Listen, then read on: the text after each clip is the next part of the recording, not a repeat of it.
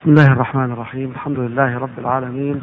والصلاة والسلام على أشرف الأنبياء والمرسلين سيدنا وحبيبنا محمد وعلى آله وصحبه أجمعين. أحبابي في الله السلام عليكم ورحمة الله وبركاته.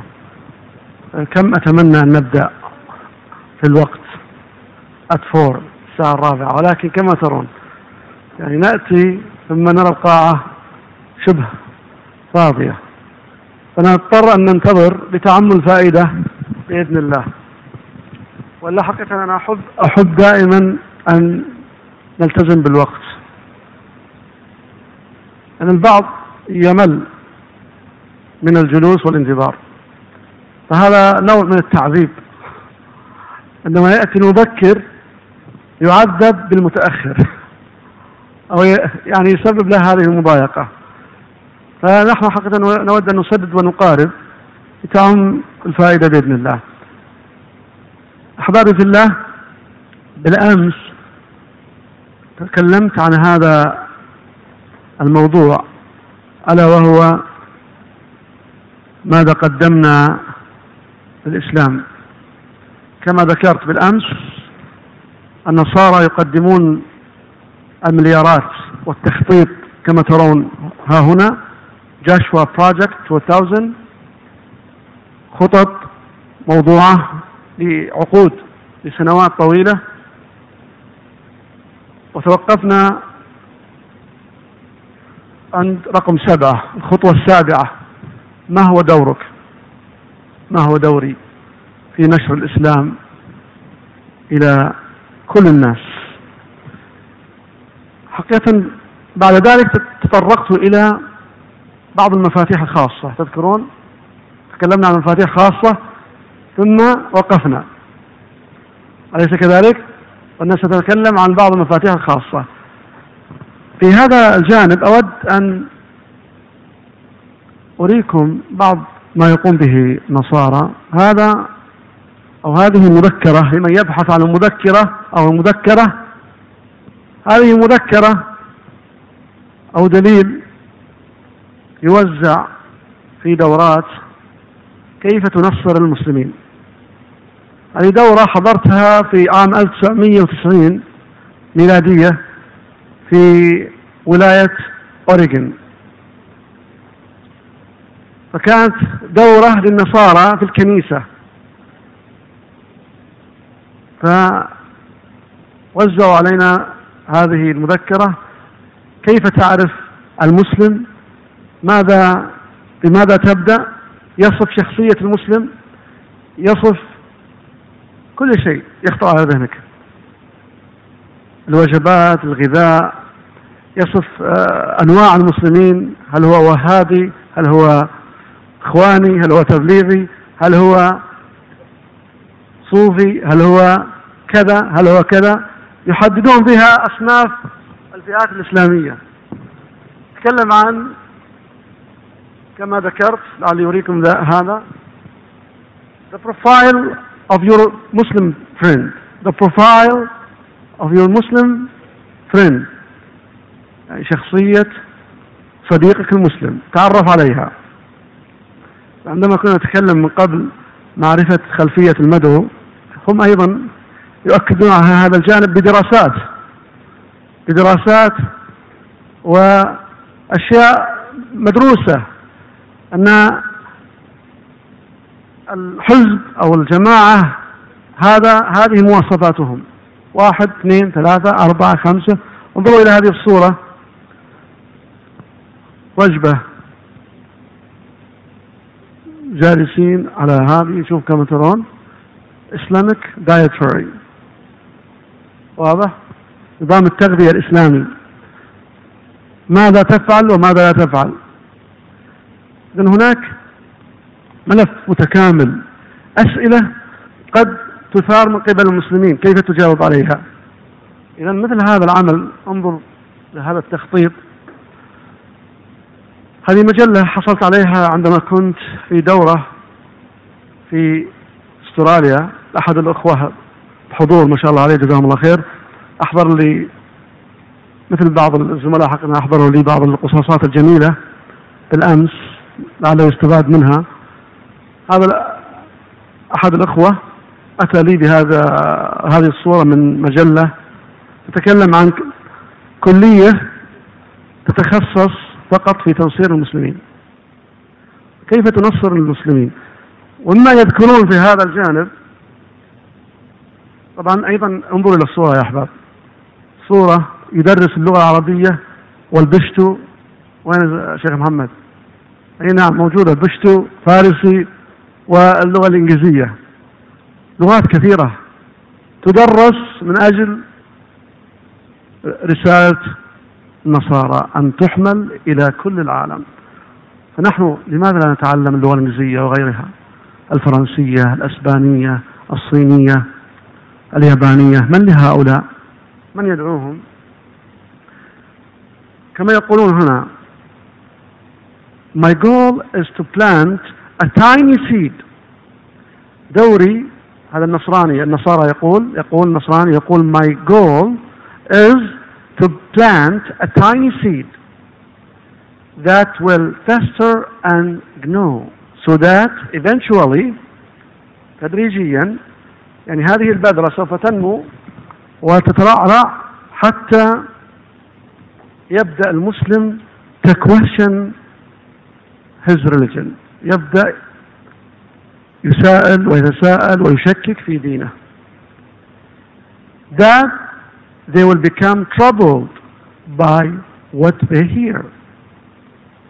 واضح يا إخوان؟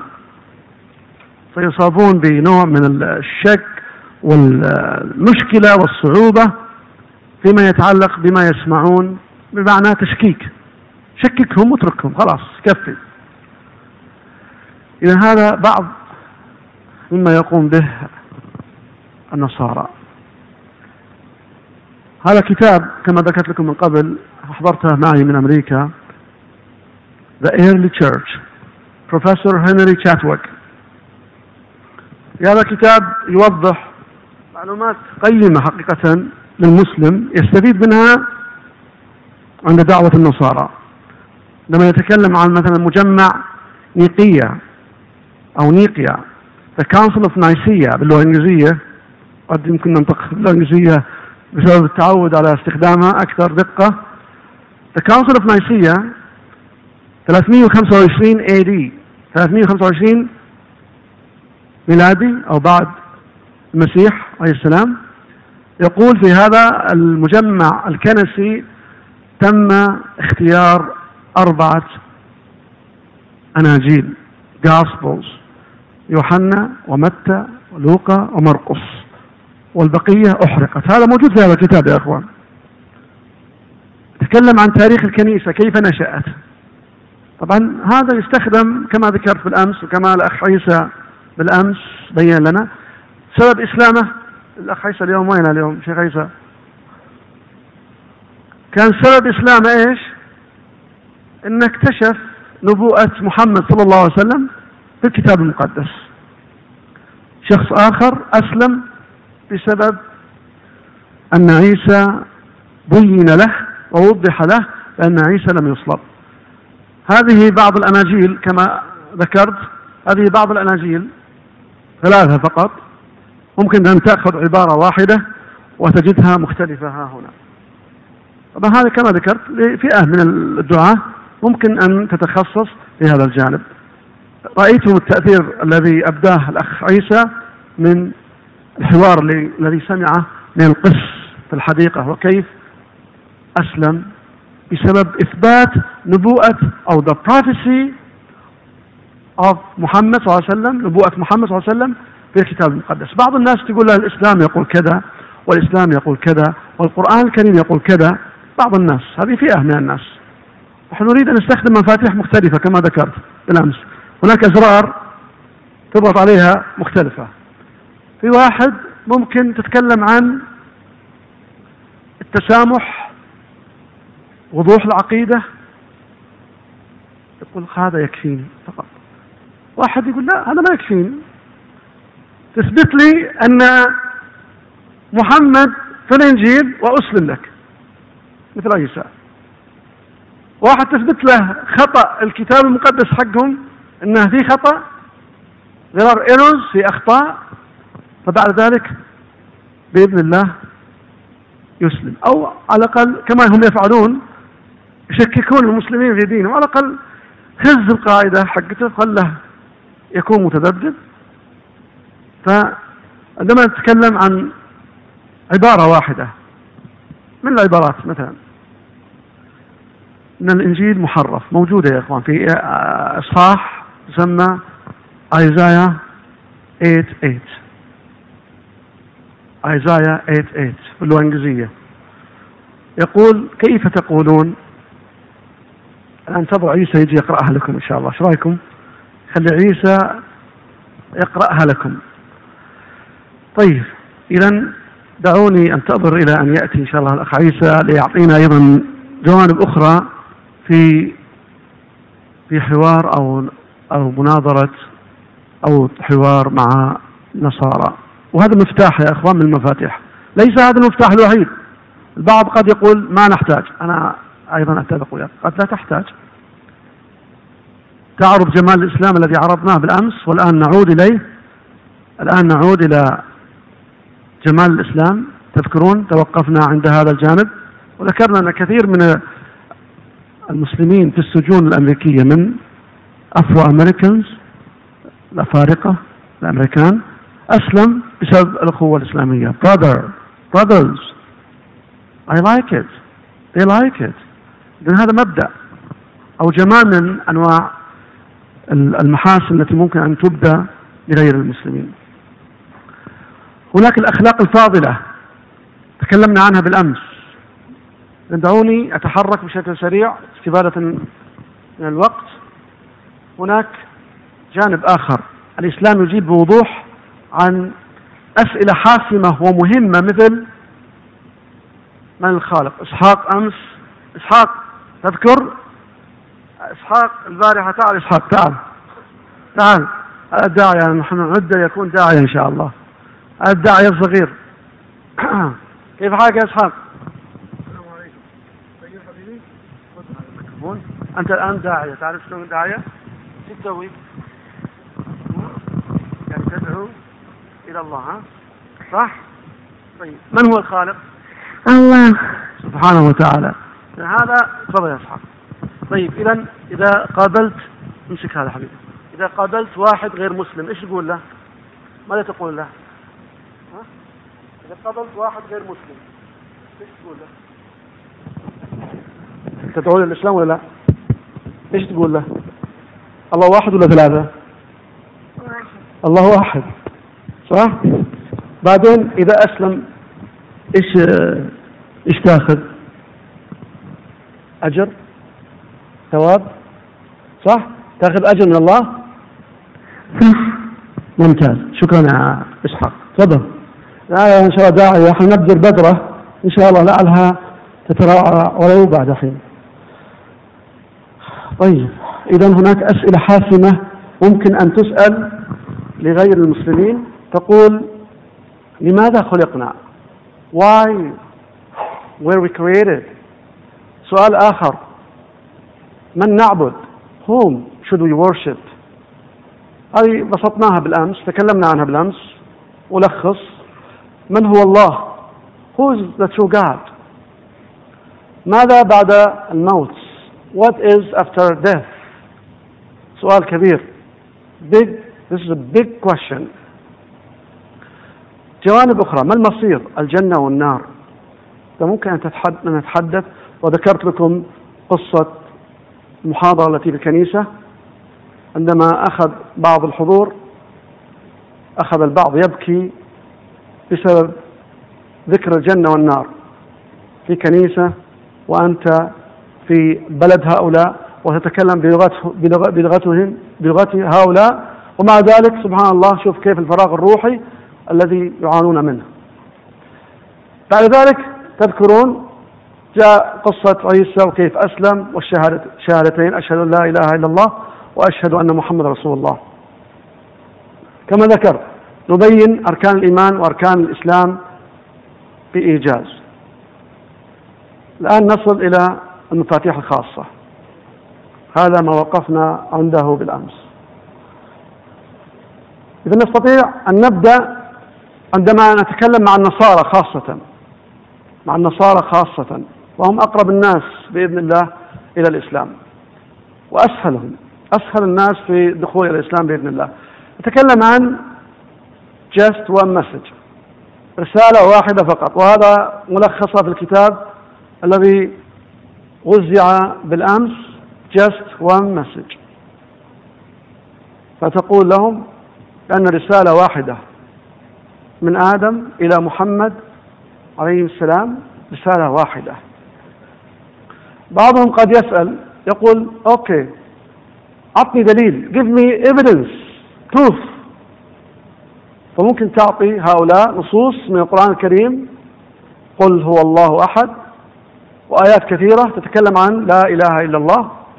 عن التوحيد ويمكن أيضا أن تستفيد من بعض النصوص الموجودة في الكتاب المقدس مثلا مثال يا أخوان مثلا تذهب إلى إصحاح التثنية سفر التثنية يقول Hear, O Israel, the Lord our God is one Lord. تقرأ له من الكتاب المقدس عشان يثق فيك. تقول This is your book, هذا كتابك. You trust it, you believe in it, تؤمن به. قلت yes, I believe in it. أنت تقول له هذا القرآن؟ قال أنا لا أؤمن بالقرآن. أنا ما أؤمن بالقرآن أساسا. تقول له أوكي قل هاتوا برهانكم إن كنتم صادقين.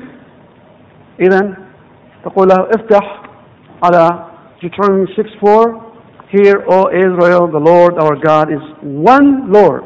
One. You go to تذهب إلى إصحاح آخر Mark 12:29 Open your Bible. افتح الكتاب المقدس. Says same thing. نفس الكلمات يا إخوان. التي قيلت وأرسلت إلى موسى اسمع يا إسرائيل الرب إلهنا إله واحد. نجدها أيضا في إصحاح إصحاح مرقس 12 29 اسمع يا إسرائيل الرب إلهنا إله واحد. نفس الرسالة. ثم نأتي إلى القرآن الكريم. قل هو الله أحد. إذا ببساطة تثبت لهم رسالة التوحيد من القرآن الكريم ومن الكتاب المقدس لمن يريد. كما ذكرت ليس بالضرورة أن كل شخص يستخدم هذا الأسلوب. الاختلاف والتحريف البعض يقول عندما نتناقش مع هؤلاء يقول okay so why are we different ليش نختلف؟ so so, بما ان رساله واحده there is one true God you believe in one God and I believe in one God so what's the problem ايش المشكله اقول له الان انت you believe in what you believe in God the Father God the Son God the Holy Spirit I said, How come? Where's the problem? Problem المشكلة في الاختلاف والتحريف. تثبت لهم من الكتاب المقدس تفتح مثلا كما ذكرت جرمايا 8 تقرأ له من Jeremiah 8 تقرأ. هذا الترجمة الحرف ترجمة النص. يقول النص دعوني أقرأها لكم. This is from Jeremiah 8:8 من الكتاب المقدس يا إخوان. وترجمة أمامكم. النص يقول هذا من King James Version ترجمة الملك جيمس يقول How do you say we are wise and the law of the Lord is with us law كلا certainly in vain made he it the pen of the scribes the pen of the scribes معناها حولها قلم كتب المخادع إلى أكذوب. على فكرة النص هذا أيضا يختلف عن النص. لو قرأت لكم النص نفسه لهذا الإنجيل. جرماية 8 مختلف. دعوني أعطيكم هذا النص. اسمعوا لهذا النص. يقول How can you say we are wise? For we have the law of the Lord when actually, اسمعوا الآن الفرق. When actually the lying pen of the scribes has handled it falsely. Different wording different كلمات تختلف. إذا هناك أيضا ممكن يقرأ في إنجيل آخر وتشوف فرق آخر. قل هاتوا برهانكم إن كنتم صادقين. يحرفون الكلم عن مواضعه. فويل الذين يكتبون الكتاب بأيديهم ثم يقولون هذا من عند الله. لن تستطيع أن تثبت لهم ذلك. فعندما أنا أجتمع مع النصراني الجاد النصراني الباحث عن الحق وأجلس معه أقول له أوكي take it easy. Now take the Bible. Follow with me. Step by step خطوة خطوة. وأطلع له كم خطأ من هنا ومن هنا ومن هنا. يقول لك can this be the word of God? هل هذا يمكن أن يكون كلام الله؟ كلام الله لا يحرف. It's eternal. It doesn't change. لا يتغير. وهناك نصوص تقول بأنه يعني السماوات والأرض تذهب ولكن كلام الله لا يذهب. ثابت. إذا ماذا تغير وأيضا يقول نص that God is not the author of any confusion. أمس كنا نتكلم عن confusion. تذكرون الكلمة يا أخوان confusion. اللي قالها عيسى confusion confusion confusion. نعم. لبس والارتباك والغموض. The Bible says الكتاب المقدس يقول God is not the author of any confusion. الله ليس مؤلف أو كاتب أي لبس. إذا عندما نقول اللبس الموجود في الثلاثة هذه ثلاثة الأب الابن روح القدس ما هي لبس؟ هو يقول عيسى كان يقول من القضايا التي جعلتني أترك النصرانية إيش؟ تثليث صح؟ تذكرون؟ ذكرها أمس الأخ عيسى. وذكر ألوهية عيسى. إذا هذا من اللبس والغموض ولكن الله سبحانه وتعالى لم يفعل ذلك. إنما البشر الذي قام بالتحريف وتعطيه تعطيهم من الأشياء الكثيرة. جهوة وتسس ذكرت لكم يقولون خمسين ألف خطأ في الكتاب المقدس.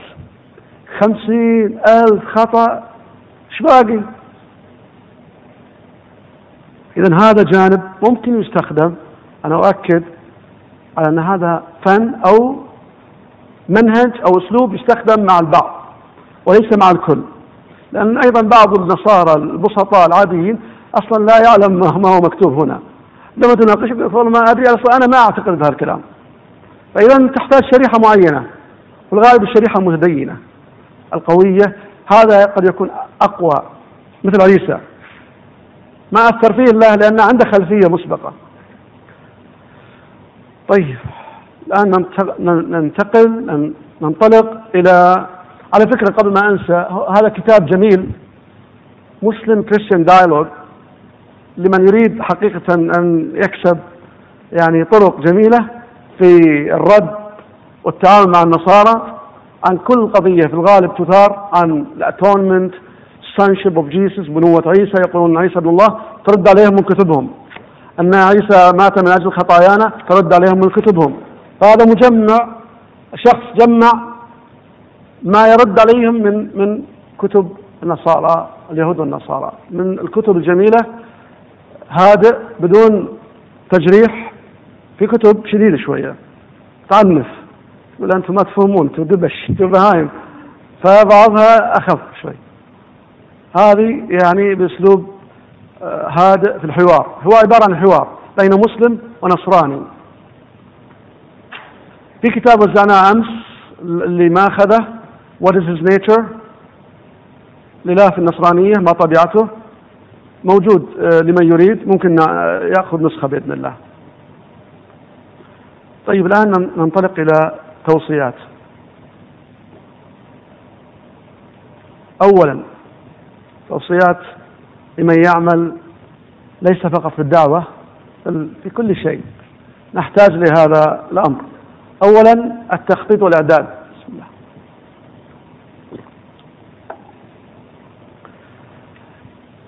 في الدعوة مثل أي عمل مؤسسي أي شركة أي حكومة تحتاج إلى تخطيط وإعداد. أليس كذلك؟ إذا أيضا الدعوة ليست على البركة كما يقال. خلي الأمور تمشي على البركة. فيكون هناك كسل وتقاعس وعدم إعداد ونيم يو نيم اذكر عد واغلط. فنحتاج إلى إعداد وتخطيط. كما ذكرنا عندما أشرنا إلى النصارى كيف يخططون. تذكرون هذه الصورة؟ هذه جزء من خطط النصارى وغيرها من خطط. هذا جزء من المخطط إنهم يحاولون أن يركزون على هذه المنطقة هذه هذه البلاد. معظمها بلاد إسلامية. ثم يضعون الخطط واحد اثنين ثلاثة أربعة خمسة ستة سبعة. Steps will lead to the fulfillment of Joshua Project 2000 goals. تحقيق الأهداف المنشودة لمشروع جشوى هذا ترجمة العربية كما بينت من قبل. إذا نحن أيضا نحتاج أحبابي إلى التخطيط والإعداد. نحن نريد أن نخطط الخير نخطط من أجل الإسلام. نخطط من أجل تمكين الدعوة. هناك مقولة جميلة لعلي أشارككم هذه العبارة. تقول if you fail to plan you plan to fail. Very simple. إذا إذا فشلت في التخطيط فأنت تخطط لماذا؟ للفشل. الرسول صلى الله عليه وسلم وهو الرسول الكريم المؤيد من الله سبحانه وتعالى. ما قال اقعد وحط رجل على رجل والله كريم. الله كريم على كل حال. ولكن أخذ الأسباب واتخذ الأسباب. في الهجرة يا إخوان فن والله استراتيجي عمل استراتيجي تخطيطي فيما يتعلق بالهجرة. عندما تقرأ الهجرة كيف كان التخطيط؟ شيء عجيب.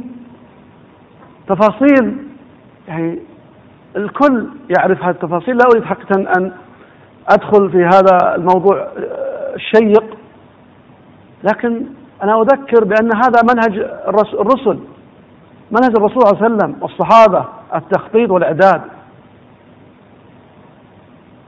جانب آخر احترام الوقت. عندما ندعو إلى الله سبحانه وتعالى وخاصة غير المسلمين أنت الآن تمثل يا أخي الكريم تمثل ماذا؟ وتمثل من؟ أنت الآن عندما تقول للأمريكي أو الأوروبي أو الغربي أو للفلبيني أو الهندي أو أي جنسية يجب أن نحترم كل الناس. تقول له عندي لقاء معك الساعة الخامسة مساء ثم يأتي الساعة الخامسة والخامسة والربع الخامسة والنصف ولم تأتي بعد. ما هو الانطباع الذي يمكن أن يترك لهذا الرجل؟ مسلمين ما شاء الله محافظين على وقت. ما شاء الله عليهم on time. Muslims are on time ما شاء الله all the time. إخوان هناك انطباعات سيئة تؤخذ. يعني انظروا إلى المسجد المسجد ها هنا. انظروا إلى أنا كنت أتكلم عن التخطيط والإعداد انظروا إلى المسجد ها هنا عندما ندخل ندخل على في الغالب على إيش؟ على الأحذية أليس كذلك؟ أليس كذلك يا إخوان؟ ندوس على إيش؟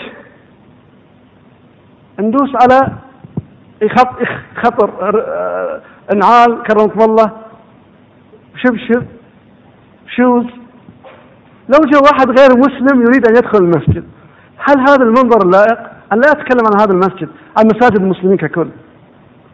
عن مساجد المسلمين يا إخوان أعطيكم هذه القصة السريعة. كنا في دورة في نيوزيلندا في مدينة تسمى كرايست تشيرش كنت سمعتوا عنها اسمها كرايست تشيرش على كل حال أقمنا الدورة لمدة أسبوعين. الدورة الأولى التي تعقد في هذه المدينة. يعني الأخوة اللي هناك من المسلمين كادوا أن يبكون.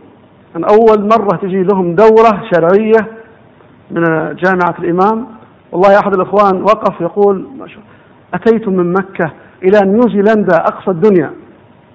أين نيوزيلندا يا أخوان؟ تعرفون نيوزيلندا وينها؟ وين نيوزيلندا؟ أوريكم إياها. هذا نيوزيلندا الآن تشوفونها. نيوزيلندا وينها يا إخوان؟ آه ما يدلني إياها. ها؟ ما تبين. ما تبين. ما تبين. لكنها تحت تحت هنا. تحت مرة. تحت استراليا.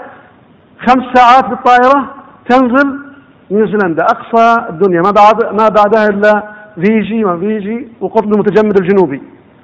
يعني طلعنا تشوف البطريق أمامك. قطب المتجمد الجنوبي. فيقول هذا الأخ كان يبكي يقول الحمد لله اللي الله أرسل لنا ناس يأتون ويبكي يقبل اليد يقول دعوني ألمس هذه اليد اللي أتت من مكة. الله أكبر. يستشعرون سبحان الله.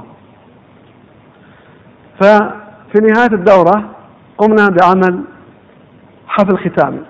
كان حوالي 250 شخص رجال ونساء في جهة أخرى وأطفال ما شاء الله الكثير من الأطفال. في آخر يوم سوينا الختام حفل ختامي دعونا بعض أعضاء المجلس البلدي في المدينة بعض أعضاء من مجلس عندهم زي ما تقول مجلس الأمة ومجلس يسمونه. الشاهد أن بعض الأعضاء الرسميين أتوا. والله يا إخوان لا أبالغ لا أبالغ إذا قلت لكم جاءوا هؤلاء بعضهم أيضا ممثلين من كنائس نصرانية.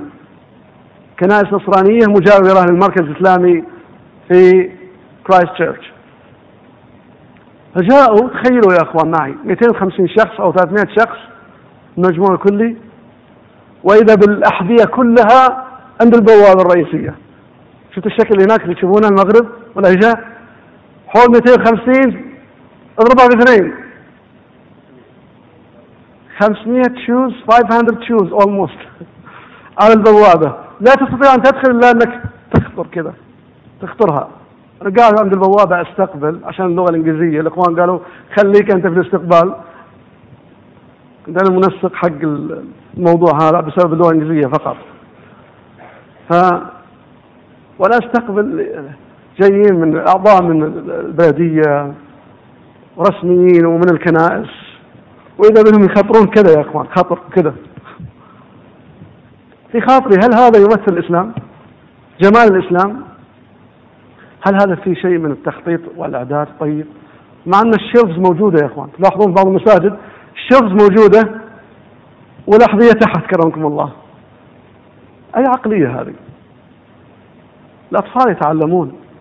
في المدارس الأمريكية الشنط ترتب في اللوكرز إذا راحوا المدرسة الإسلامية المركز الإسلامي بعد العصر كلها مقطوطة في الطريق كذا الشنط والجاكيت everything is just there. ليش؟ في الصباح منظم وفي العصر في المغرب المركز الإسلامي غير منظم. ليش يا إخوان؟ ليش؟ هل هذا هو الإسلام؟ هل هذا هو هل هذه الصورة الذي التي نريد أن نعرضها للإسلام؟ هناك مفاهيم. يعني we get really sometimes to go back to basics back to basics أسميها دائما هذه معادلة B2B أحطها ساعات أكتبها بي تو بي What is B2B? I really I put this there in Australia in New Zealand New Zealand I wrote B2B They asked me what do you mean by B2, B2B شو المقصود B حرف B إلى B يعني back to basics الرجوع إلى الأساسيات. ممكن لو تكرمتوا تطفئون شيء من المكيفات الأخوان يحسون بشيء من البرد. إذا نحتاج إلى الإعداد والتخطيط. أليس كذلك؟ هل في ذلك شك؟ ثانيا إذا احترام الوقت. وهذا أيضا حدث ولا حرج على مستوى العالم الإسلامي. حدث ولا حرج في احترام الوقت. ساعة ساعتين تو الناس إيش دعوة إيش تستعجل علينا؟ هذه قضية أخرى نريد حقيقة أيضا أن نعيد النظر فيها. نراجع حساباتنا في هذا الجانب أنت وأنا وهي وهو كمسلمين كيف نتعامل مع الوقت؟ الوقت عظيم. الوقت ما أبغى أقول ذهب. الوقت هو حياتك. فيه مقولة جميلة لبروفيسور اسمه بروفيسور براين تريسي متخصص في ال time management يقول if you are not early you are late. واضحة؟ If you are not early you are late.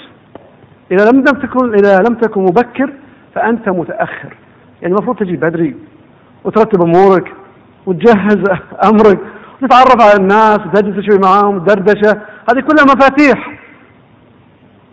You break the ice with others. تكسر حواجز نفسية عندما تأتي وتجلس وتتعرف على فلان أو علان إذا هذا أيضا من الوسائل المهمة في الدعوة إلى الله والإبداع في هذا الجانب.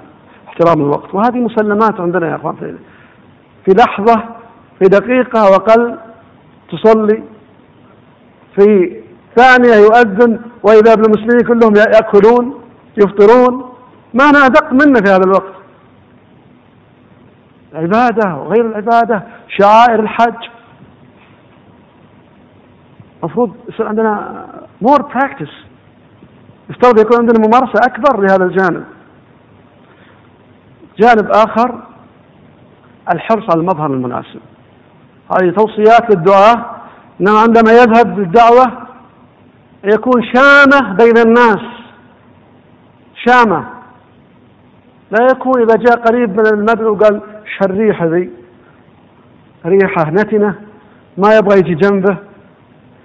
تجد بعض الدعاة للأسف يفهم الإسلام أنه خلاص خلك درويش.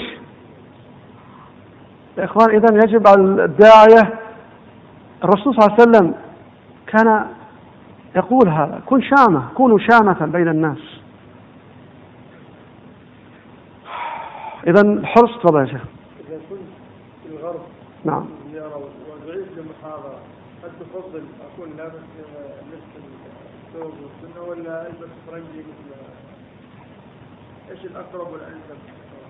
يقول الشيخ عاوي القرني لكل لبوس لبوسها. ها؟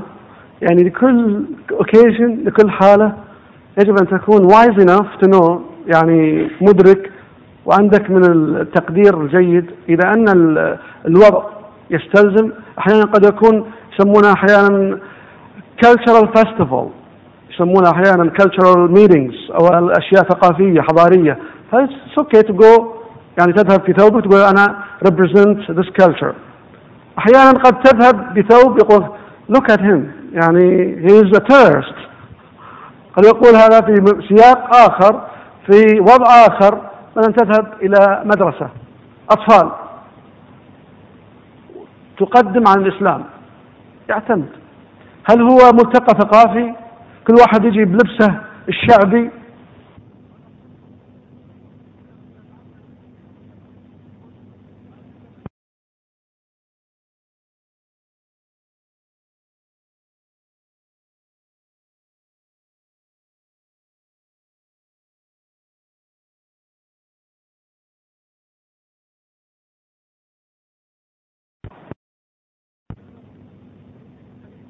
الشماغ ولا قال هذا كشخة. إذا كل شخص بلباسه. فيعتمد على الأوكيجن والمناسبة. لكن أحيانا تذهب في مكان يقول شو عبد يكشون. يكشون يخافون. هذا إرهابي. ويمشون أحيانا قد يمشون. فيعتمد على المناسبة. الإيجاز والاختصار في الحديث.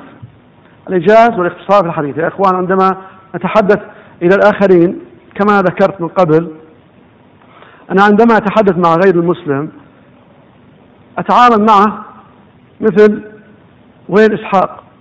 تعال يا إسحاق صديقي تعال يا صديقي كيف الحال؟ تمام؟ كم عمرك أنت؟ ها؟ كم عمرك؟ ست سنوات. طيب يا إخوان الآن مثل هذا الطفل. لو أتكلم معه عن الإعجاز العلمي في القرآن وأطول وأعطيه مواضيع في العقيدة وطويلة. راح يستوعبها؟ ها؟ راح يستوعب؟ نفس القضية فيما يتعلق بالنصراني أو غير المسلم هو مثل هذا الطفل في في تفكيره.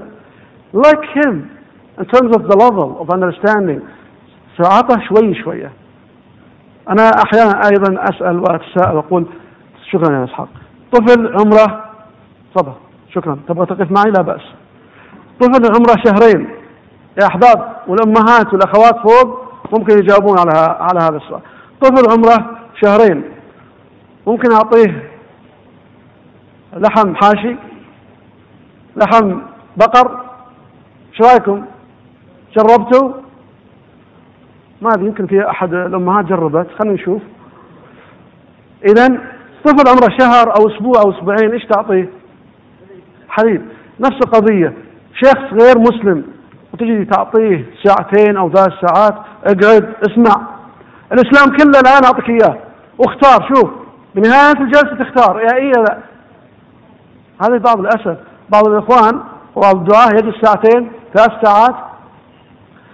أنا أعرف بعض الدعاة يذهب بعد العشاء بعد صلاة العشاء. ولا يعود إلى عند صلاة الفجر.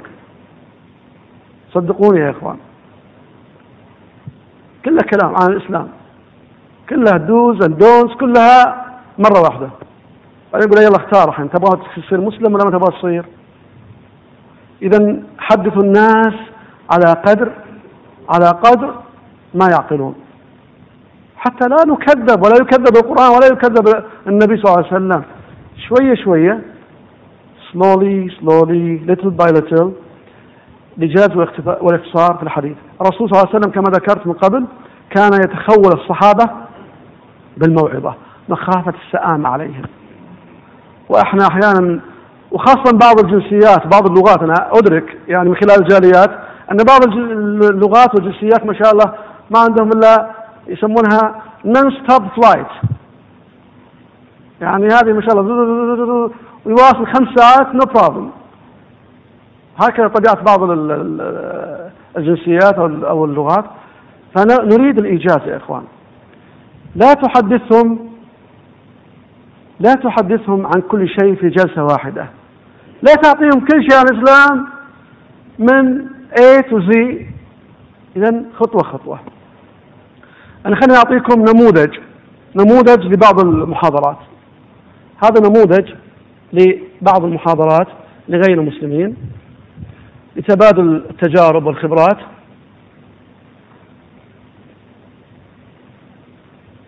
هذه محاضرة لغير المسلمين.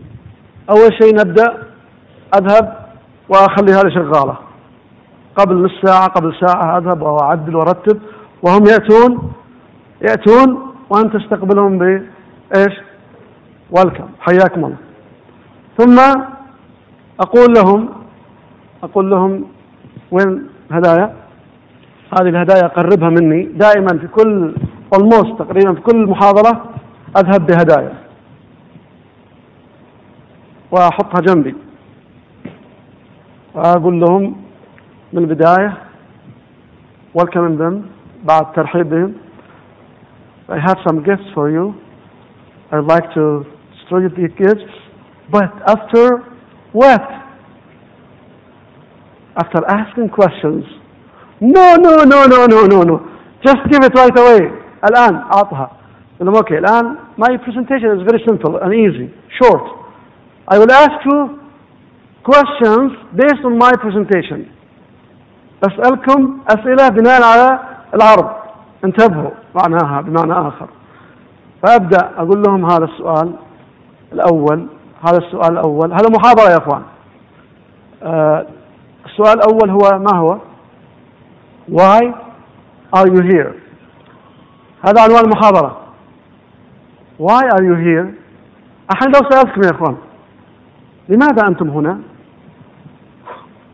أليس سؤال شوي يعني؟ سؤال بعضهم يقول بايخ ها؟ بعضهم يقول بعض ال doctors وال nurses في ال hospitals عندما أذهب إلى المستشفيات خاصة يقولون we are here. نحن هنا لأن مدير المستشفى طلب مني أن أحضر إلى هنا. Okay, good. واحدة nurse من الجالسة بالخلف هناك. nurse yes we are here to know about Islam. Because the مطوع there told us to come here. لأن المطوع هو اللي قال لنا نحضر المحاضرة في المستشفى. وبعدين واحدة ثالثة we are here because we are forced to come here. إحنا مجبرين نأتي هنا. We have no choice. ثلاثة أربعة خمسة. بعدين كل واحد تقول we are here to serve God. Wow this is great. ممتازة. تفضل هذا هدية. أخذي هذا هدية. ويبدون شاف واو واو. تعرف النيرسس في الغالب في البنيات خفيفات. في الغالب. فهذا أول شيء تبدأ وياه أنك تفتح الخط. عشان تفتح الخط يبغون زيادة من ال من ال الهدايا. فأنا أقول لهم I mean قصدي هو why are we here in this life? واضح يا إخوان؟ لماذا نحن هنا في هذه الحياة؟ ثم أنزل شوية deeper and deeper and deeper بشكل أعمق وأعمق. أقول لهم تبعد تبعد تبدأ الأسئلة هذه تخليهم شوية يلفون وياها. تسألهم وتقول why were we created? هذا عمار اللي أمس طرحها أخ عمار. هذا أسلوب من الأساليب. لماذا خلقنا؟ والآن يبدأون أيضا يأتون. أنا عندي أحيانا سبورة يكتبون. أقول له okay ميري ستيسي تعال اكتبوا. أعطيهم قلم وخليهم يشاركون معه. طلعوا السبورة اكتبوا. فيكتبون بعض الإجابات. أحيانا تعطيهم هدايا أيضا. فيكون في تفاعل بينك وبين الحضور. أسئلة أخرى أيضا تخليهم شوي ينجذبون أكثر وأكثر. السؤال الكبير Who created us من خلقنا؟ السؤال الكبير الآن يبدأون. عاد الحين فيه إجابات أيضا. قد نختلف الآن. من خلقنا؟ انظروا أحبابي انظروا إلى هذه النقطة. according to you God refers to who هذه الدراسة هذه this study I did I conducted in 1992 عام 1992 عندما كنت أدرس في مرحلة الدكتوراه وكان جزء من بحثي it was part of my research جزء من بحثي كان عن شيء يسمى سكيماتا سكيماتا معناها the prior knowledge that you bring to a text يعني الخلفية المسبقة التي تحضرها إلى النص. مثلا God الآن هذا نص هذا نص يعتبر نص. God. الآن انظروا يا أحباب انظروا الآن كيف هؤلاء يفكرون. God refers to شوف كل واحد له قراءته his own own reading. حياك الله يا دكتور. برد ها؟ طيب إذا الآن God refers to هذا الإجابات. هذه بعض these are some of the responses. هذه بعض الإجابات من الطلاب. هذه دراسة قمت بها في معهد اللغة الإنجليزية وفي جامعة Michigan State University فخليت من الطلاب من فرنسا من اليابان من تايلاند من الصين من الدول الإسلامية والعربية من البرازيل من دول مختلفة. فقلت هذه فرصة جيدة في المعهد وفي الجامعة قسمي بالذات وزعت على المدرسة اللي كانت تدرسنا والطلاب أكثرهم كانوا طلاب وطالبات أمريكان. فقلت فرصة. خلينا نشوف كيف يفكرون هؤلاء. بعضهم قال هذا God refers to the creator. الله معناه إيش؟ يا أخوان اخواتي معي؟ الخالق. God refers to Krishna. هذا المعنى اللي عندهم. إذا قلت God على طول يقفز ذهنه إلى كريشنا God refers to Buddha. هذا البعض أيضا يعتقد ان بوذا Some said God refers to Allah سبحانه وتعالى. آخرين قالوا God refers to Brahma. هذا إلههم. God if you say God it means to them Brahma God refers to Jesus نصارى God refers to nothing لا شيء there is no God atheists ملحدين هؤلاء اللي يلحدون بالله سبحانه وتعالى بالكامل ليس هناك إله بعض قال God refers to the Father, the Son, and the Holy Spirit. هذه فئة أخرى. عندما تقول God, this is what comes to, to their mind. This is the schemata that they bring to their mind. هذه هي prior knowledge, الخلفية المسبقة التي يأتون بها إلى their minds. إلى أذهانهم. إذا يجب أن تعرف كيف يفكر كيف يفكر هؤلاء. بعدها أعطيكم ملخص سريع concept of God in major religions Hinduism Buddhism Judaism Christianity and Islam quickly Hinduism Hindu Trinity Brahma كما ذكرنا من قبل Brahma is the creator Vishnu the preserver Shiva the destroyer plus 33 million gods this is according the world's great religion هذا المرجع.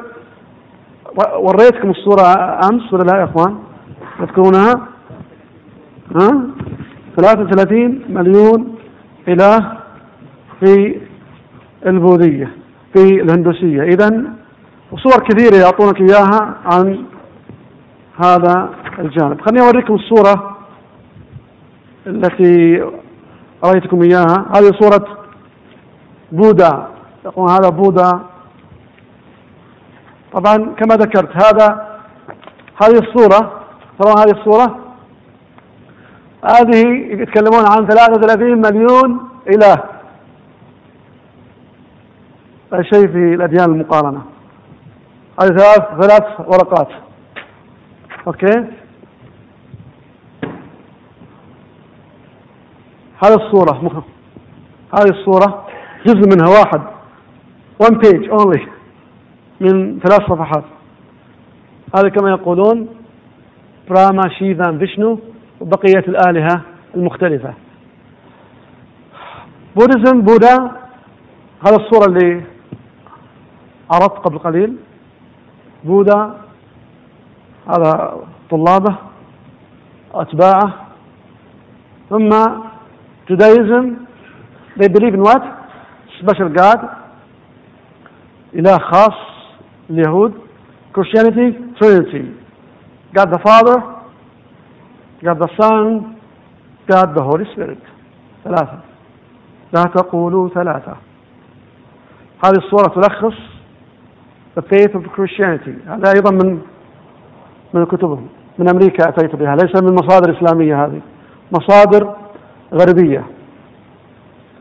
إذا هذا باختصار إسلام. The one true God the creator of all simple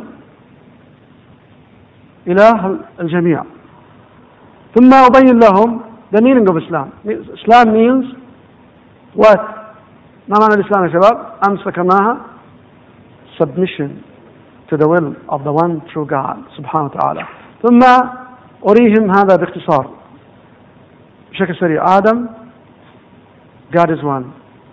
Noah, Nuh, God is one. Abraham, God is one. Moses said, God is one. Jesus said what? Three? God is one. Only one. And finally Muhammad صلى الله عليه وسلم أخيرا محمد عليه الصلاة والسلام قال الله واحد فقط قل هو الله أحد أعطيهم بعض الدليل هذا الدليل هذه الآيات اللي استشهدت بها من الفقرات استشهدت بها من الكتاب المقدس Hear, O Israel, the Lord our God is one Lord. One Lord. ثانيا Hear, O Israel, the Lord our God is one Lord. آخر شيء say He is Allah God the one. قل هو الله أحد. طيب الآن إذا نسأل مرة أخرى who created us الآن عقب الخلفية أرجع لهم مرة ثانية أقول لهم إذا من خلقكم؟ ها إيش تختارون الآن؟ أسألهم أرجع لهم أقول لهم ها تبون براما شيفا كريشنا جيسس بوذا أو الله رب الجميع.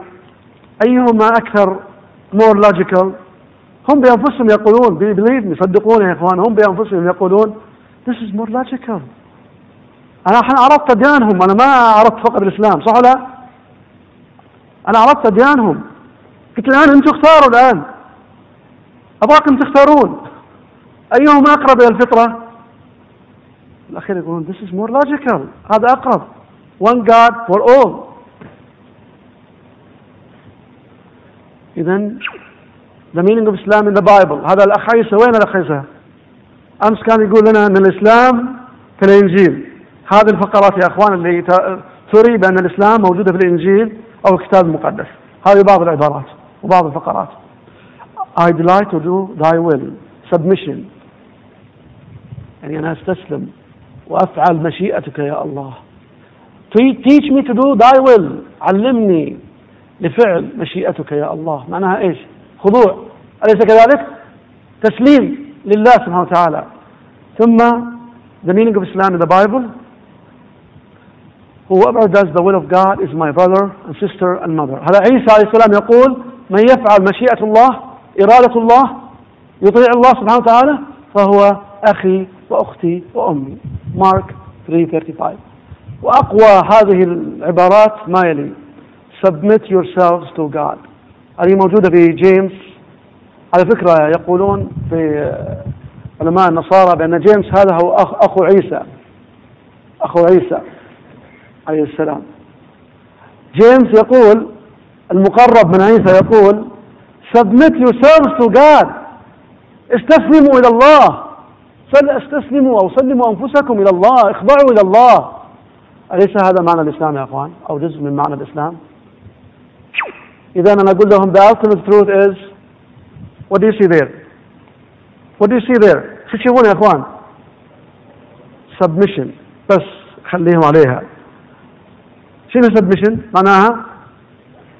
معناها إيش يا إخوان الإسلام؟ submission إسلام واستسلام. The ultimate truth الحقيقة المطلقة. ما هي؟ هذه. Submission is the religion of all the messengers of the one true God. شوف كيف طريقة تطلعها لهم عشان ما يصير عندهم مشكلة. كل submission إسلام أقول لهم إسلام معناها إيش؟ Submission. يعني لو شلت كلمة إسلام وحطيت submission is the religion of all the messengers of one, the one God. توافقون ولا ما توافقون؟ قالوا نوافق. قلت طيب هذه معناها إسلام. كذا فجأة خرعتنا يعني بسرعة حطيتهم في تراب يعني الحين لو وقفنا هذه سبمشن ما عندهم مشكلة يقبلون بها. لكن حطيت إسلام قل لا أنت ضحكتنا أخي وصدقنا وأصل هذا الإسلام فهذا جزء من انتهت المحاضرة يا إخوان. خلاص هذه ثلث ساعة. هذا محاضرة كاملة. ثلث ساعة. 20 minutes. أحيانا أنا أعطيكم تفاصيل أخرى صح؟ أنا أعطيكم تفاصيل طلعت ورجعت. بينما هؤلاء في المحاضرة straight to the point. أوكي؟ إذا هذا نموذج. طيب ما رأيكم يا أخوان؟ نتوقف أكثرت عليكم أحس أني كثرت. دعونا نقول أشهد أن لا إله إلا الله وأن محمد رسول الله. ألا بذكر الله تطمئن القلوب. نستغفر الله ونتوب إليه. طيب نعود مرة أخرى إلى المفاتيح. إذا لا تجعلهم يسأمون وأنا أتمنى أن لا أجعلكم أيضا تسأمون. المعلومات مشكلة كثيرة يا أخوان وهذه دورة أليس كذلك؟ فعذرا إن أطلنا. إذا لا تجعلهم يسأمون حديثك الحرص على المظهر المناسب تكلمنا عنه الإجاز واختصار في الحديث. إعطاء المدعوين فرصة للسؤال والاستفسار والمشاركة. إذا هناك بعض المدعوين طوال المحاضرة هو يفكر في سؤال ما يريد أن يسأل أو قد يريد أن يقول شيء شيء ما. فأنت لا تعطيه تتكلم تتكلم تتكلم ساعة ساعتين وانتهى الوقت. وتأخرت عليكم وعذرا ومع السلامة. good bye طيب okay هذا question بعض غير المسلمين بعض النصارى he has some questions. فأنت ما تعطيه فرصة. أخذت وقتك في المحاضرة وانتهى الوقت المحدد ثم تقول أنا ما أحب أتأخر عليكم خلاص انتهى الوقت. مع بعدين أشوفكم إن شاء الله. فيجلس هذا السؤال في ذهن هذا الرجل أو المرأة في حيرة. قد يسلم قد يسلم هذا الرجل بسبب فقط إجابة على هذا السؤال. صدقوني يا إخوان أحيانا سؤال بسيط يكون بالنسبة له غبش confusion كبير توضح له الجواب بعدها على طول يقول خلاص I'm satisfied I'm convinced I want to take شهادة right now. أحيانا you kill that. تقتل أنت هذا التساؤل والاستفسار. الوصول إلى الهدف بشكل مباشر أو غير مباشر. هذا أيضا فن في الدعوة. ليس بالضرورة أن تقول محاضرة عن الإسلام وما حد يجي. صح شيخ بلال؟ أحيانا يقول lecture on Islam and nobody shows up.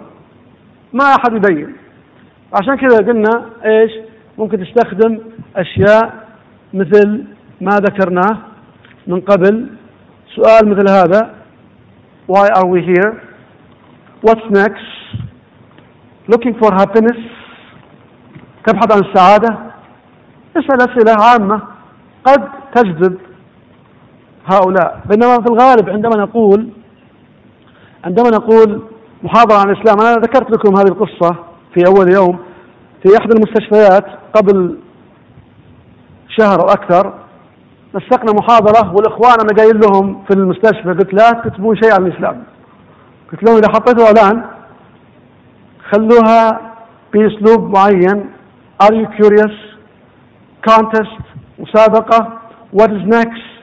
فراح أحد الإخوان جزاه الله خير مجتهد وكتب lecture by ناجي العرفج titled Introduction to Islam. مقدمة للإسلام. فرحت وجدت ثلاثة أو أربعة نيرسز فلبينيات ثلاثة أو أربعة أربع ممرضات تقريبا والبقية مسلمين. أنا هدفي غير المسلمين. أنا أبغى غير المسلمين أو المسلمات غير المسلمات. بعدها كما ذكرت الخميس مو هذا اللي قبله سوينا نفس المحاضرة بس بطريقة أخرى سميناها كونتست شوفوا الإعلان يا إخوان هذا الإعلان. أخذته من المستشفى قلت عشان يكون عينة. هذا الإعلان. شكرا يا بطل. الإعلان كما ترون كونتست مسابقة. دكتور ناجي أرفج. Gifts and prizes. Refreshments. Tuesday at 8 p.m. presentations. صور questions. Smart questions. Contest. مسابقة. العدد كان 55 شخص. نفس المستشفى. 55 شخص. بسبب غيرنا الطريقة indirect way. إذا هذا فن آخر في كسب المدعوين. تفنن في اختيار العناوين. طيب الآن ننتقل مرة أخرى. وعذرا على يعني تغيير الشرائح يمكن أتعبتكم مع هالشرائح. إذا الوصول إلى الهدف بشكل مباشر أو غير مباشر فن اختيار الموضوعات والعناوين الجذابة. اختار الموضوع بشكل مدروس. سيكولوجي أحيانا it is psychology يعني دراسة نفسيات هؤلاء. كيف تؤثر في هؤلاء؟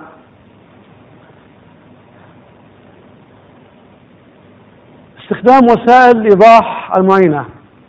الآن يا إخوان هذا شاهد لكم شاهد ودليل. الإخوان اللي الآن خذوا غفوة ناموا شوي ما ألومهم. بعض الإخوان خذوا غفوة لأن أشوف أتابع بعض الوجيه. أخذت غفوة it took quick nap but they can come back and look at it. يتابعون they can follow up. يعني ممكن يتابعون معي صح ولا ياخذ غفوة شوي ينام ويرجع وياخذ ويلحق المعلومة. بعض الناس بصريين أو سمعيين فأنت تحاول أنك تغطي هذه المساحة بصري أو حسي أو سمعي فأنت تستخدم جميع الوسائل. I feel أحس تحس معي تسمع ترى. هذا يدرس تدرس الآن في البرمجة اللغوية العصبية NLP فممكن نستفيد من هذا العلم أيضا في communication in our communication with others. كيف تقنع الآخرين؟ سمعي بصري حسي نوع شكل في استخدام الأساليب. ملخص مكتوب لعناصر الدورة. بإذن الله يا إخوان فيه فيه مذكرة سوف توزع بإذن الله في ختام الدورة. أنا أكدت على الإخوان أن لا يوزعونها إلا بعد لأني أيضا هذا نقطة أخرى ذكرتها من قبل. This will keep them busy. Reading reading reading and also getting some answers. يعني أنا قاعد أسأل الأسئلة بناء on what is there. ف don't distribute anything at the beginning. يعني حتى أحيانا غير المسلمين إذا أعطيتهم الكتاب لاحظوا يا إخوان لو الحين أعطيت الكتاب وزعت الكتاب في البداية لغير المسلمين مثلا في محاضرة وتوزع. Take this booklet please. أو المسلمين تعطيهم مذكرة. Everybody will just start reading. Okay we can get it from here. خلاص ليش اتعب روحي خليه حاله اذا في تقديري ومن خلال تجربة لا توزع شيء خاصة بالمحاضرات على الطلاب أو على الحضور إلا إذا صار هدف يعني يتحقق به شيء معين. مثلا فيه تمرين. تمرين. أنا الآن أوزع عليكم ورق يا أخوان يا أخوات. أقول لكم في هذه الورقة أكتب لي أهم صفات أو ما صفات الداعية الناجح. يلا الآن توزع الورقة. تأخذها مرة ثانية. عشان ما تشتت انتباههم بأي شيء آخر. استخدام سبورة. يا أحباب. البعض منا يعتقد أنا قد أعتقد أن الكل يفهم. أعتقد أن الكل يفهم. ولكن قد يكون هناك من الحضور من لا يفهم معي لا يكون معي لأن لغته لا تعينه. أو بسبب مشاكل أخرى قد تكون سمعية لا يسمع. فلا لا تظن شيخ علي أستاذنا الفاضل يدرس من هذا الجانب. صح لا؟ ألا تتفق معي؟ لأن البعض قد لا يسمع. ويستحي يقول لك والله أنا ما أسمع ترى ما عندي مشكلة. لكن عندما تكتب على السبورة واحد كذا اثنين كذا تحط العناصر فممكن أن يقرأ ذلك. فالناس تختلف. البعض منكم الآن إخواني وأخواتي موجود معي جسما لكن عقله مو موجود برا. I know that. I can tell. That some of you physically is here but his mind is there out هناك ممكن it's possible يعني هذا ممكن تتوقع كل الناس الآن قاعدين مركزين معاك ومية في المية comprehension understanding everything not necessarily ليس بالضرورة you have to be aware of that يجب أن تكون مدرك لذلك البعض تعبان البعض عنده مشكلة قاعد يفكر في هالمشكلة. البعض قاعد يفكر في زوجته. البعض يبغى يتزوج يفكر في المهر. و ها؟ الحمد لله. بارك الله فيك يا شيخ. So use استخدم عارض إلكتروني مثل هذا. عندما تذهب إلى محاضرة try it. حاولوا يا إخوان خاصة الدعاء يا إخوان إلى متى نستمر على منهج تقليدي نمطي في تقديم الدعوة؟ إلى متى؟ كلام فقط كلام كلام كلام كلام. ثم أذهب. والكلام ينسي بعضه بعضا.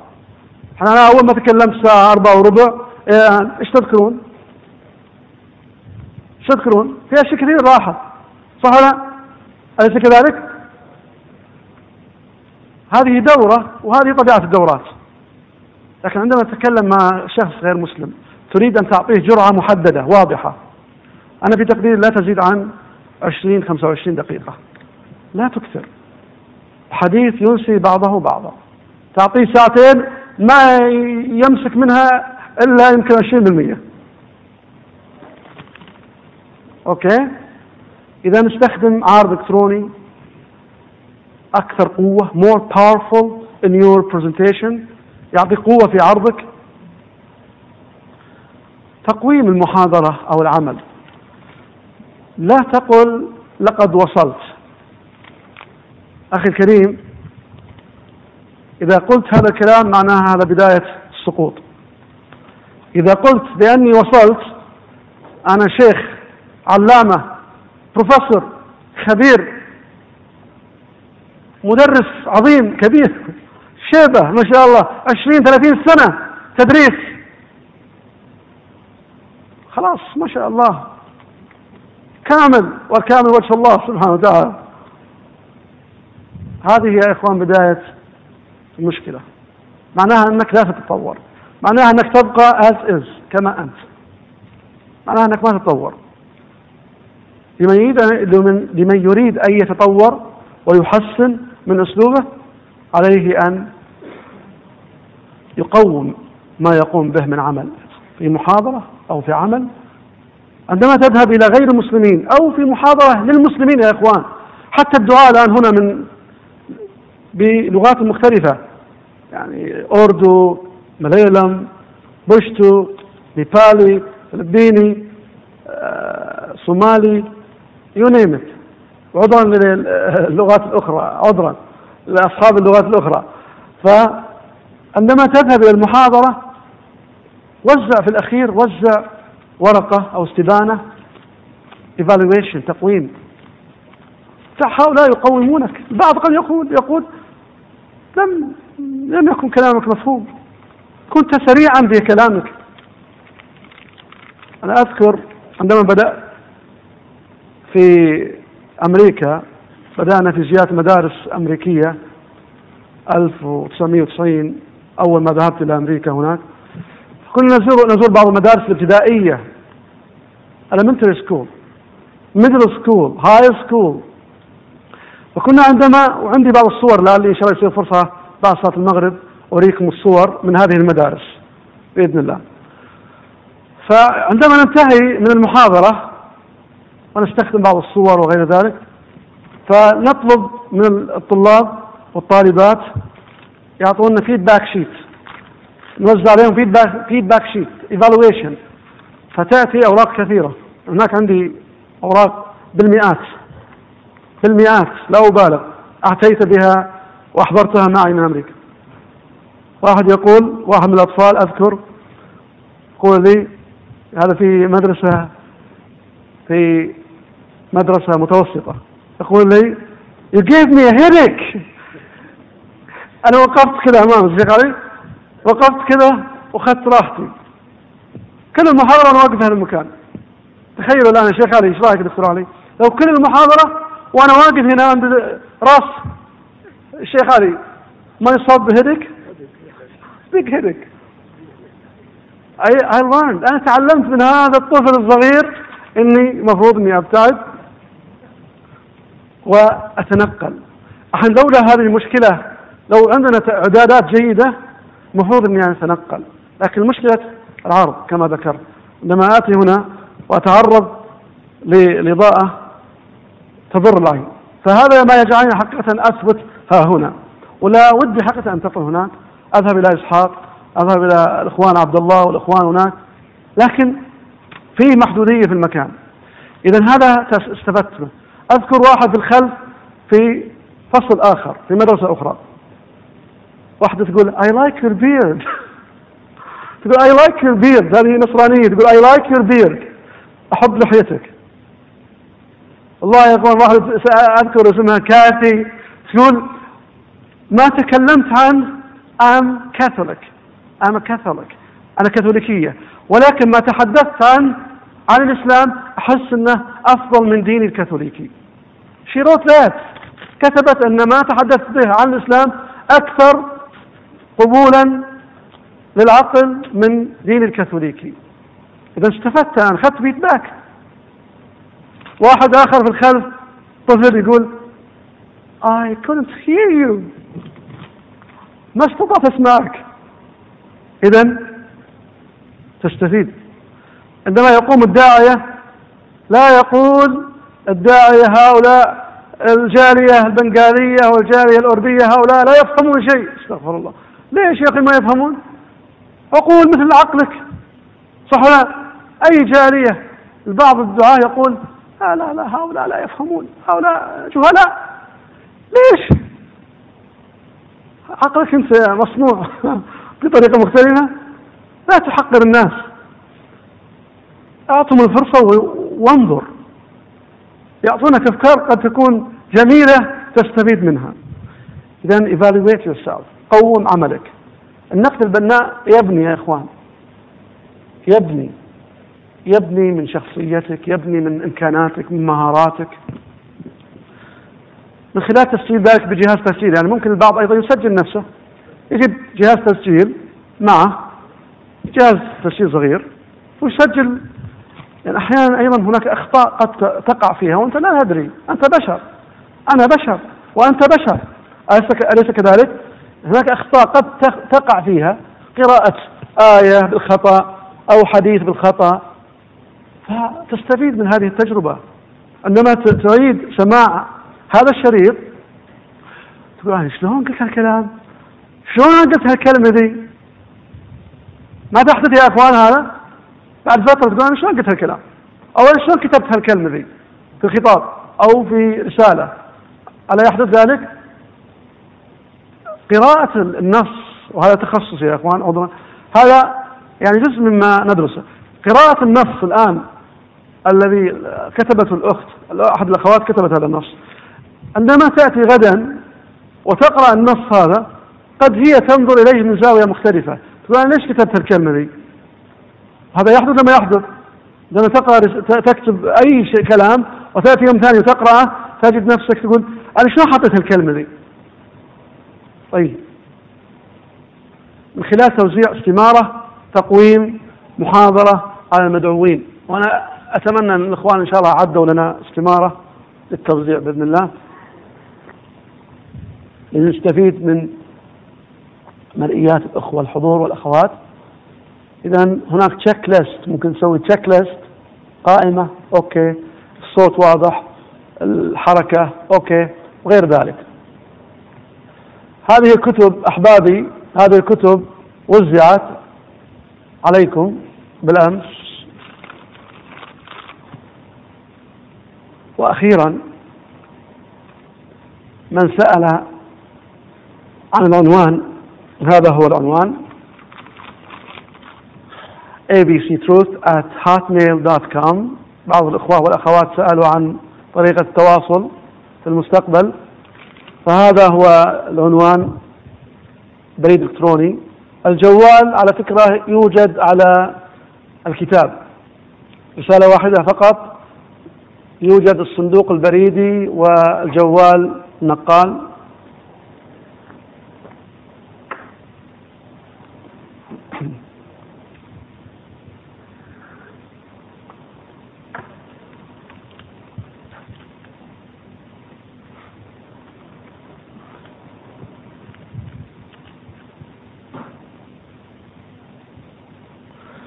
أحد أحد الأخوات سألت عن لم نستطع نقل concept of God مفهوم الإله إذا ممكن ترجعها حتى يعني نتمكن من نقل المكتوب. ممكن إن شاء الله بعد صلاة المغرب نرجع. لا أنا أريد أن أستمع إلى الأخوة والأخوات. إذا هناك أي إضافات أي خلفية أي شيء يضاف؟ طيب تفضل يا دكتور. تفضل يا شيخ. ناخذ من اليمين. تفضل. فيه يسمونهم Unitarians Unitarians يوجد الله يقويك. جزاك الله خير يا دكتور. على أنا قبل وقتك أن أسير آه، قصة جميلة جدا. تفضل. خلينا نستمع عليها. بعد إذن الإخوان تفضل. بسم الله الرحمن الرحيم. أنا صحيح يعني جزا الله الدكتور خير الجزاء على هذه الدورة القيمة. أنا ذاهب كل الشوق للسماع المزيد. آه، كان لي جار يا أخوانا بروفيسور في الجيولوجيا اسمه الدكتور الطيب سعيد سوداني وهذا الرجل آه، عنده شركة آه، استثمار وقال عندي ست أشخاص يعملون في الشركة نصارى من ضمن العمال. الستة قال ما دعوت أحدا للإسلام.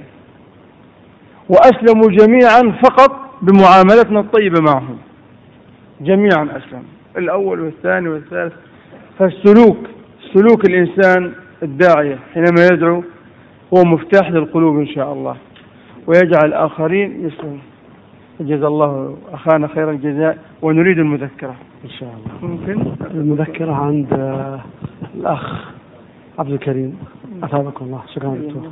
حفظك الله. طيب آه، إذا سمحت لي آخذ يعني آه، من اليمين. وأنا طالع.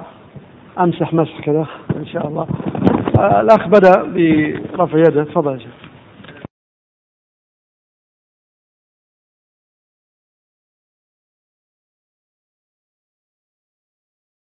تاريخ النصارى تاريخ حقيقة يعطي كثير من المعلومات. The early church الكنيسة الأولى المبكرة يعني الكنيسة الأساسية الرئيسة. ويتكلم عن أريوس أريوس هذا كان من الموحدين. شخص من علماء النصارى اسمه أريوس باللغة العربية حقيقة قراءتي باللغة الإنجليزية أكثر أكثر من العربية أرايوس أو أريوس. المهم اسمه أريوس باللغة الإنجليزية. هذا العالم في النصرانية كان موحدا وكان في جدل شديد مع عالم آخر يسمى أثينيشوس أثينيشوس عالم إغريقي يوناني ثم اعتنق النصرانية وفي عصر في العصر أو في التاريخ 325 AD the Roman Emperor آه، الإمبراطور الروماني تبنى فكرة أثنيشوس بقوله بالتثنية وجاء صارت مناظرة بين لهذا المجمع. أول مجمع كنسي يعقد في النصرانية عام 325 تذكروا يا أخوان. 325 ميلادي. عقد هذا. آه، المجمع الكنسي وكان حوار أو مناظرة بين إريس من جهة وأثنيشس بج- في جهة أخرى. ثم الحكومة البيزنطية الرومانية أخذت بقول أثنيشس لأن الله ثلاثة الأب والابن والروح القدس. واعتمدت هذا المفهوم وأصبح دين رسمي للدولة. ثم أخذوا الرئيس هذا وزجوا به في السجن وبهدلوه وإلى أن قتل. وهناك قصص كثيرة في هذا الجانب. وما تزال بعض الفرق تسمي روحها Unitarians or Trinitarians. Trinitarians المثلثون Unitarians الموحدون. هذا جزء من تاريخ أو يعني بعض المعلومات عن الكنيسة الأولى. هل هناك مواقع للإنترنت لاستفادة أو كتيبات لتعليم فن الدعوة لغير المسلمين؟ كتاب من تأليفك. جزاك الله خير. حقيقة من المواقع الجميلة اللي حقيقة وجدتها في هذا الجانب خاصة في الأديان المقارنة آه، في موقع اسم سلطان dot www dot سلطان dot org هذا مشروع متخصص في الأديان المقارنة. يعطيك مواقع links روابط عن النصرانية تناقضات كذا في البوذية في الهندوسية وغير ذلك. نعم؟ طيب أنا بعطي بعطيكم اسم موقع لي. ومن الموقع تدخل لهذا الموقع. الموقع الموقع حقي موجود على الكتيب. ABC Truth. ABC Truth معنى أبجديات الحق.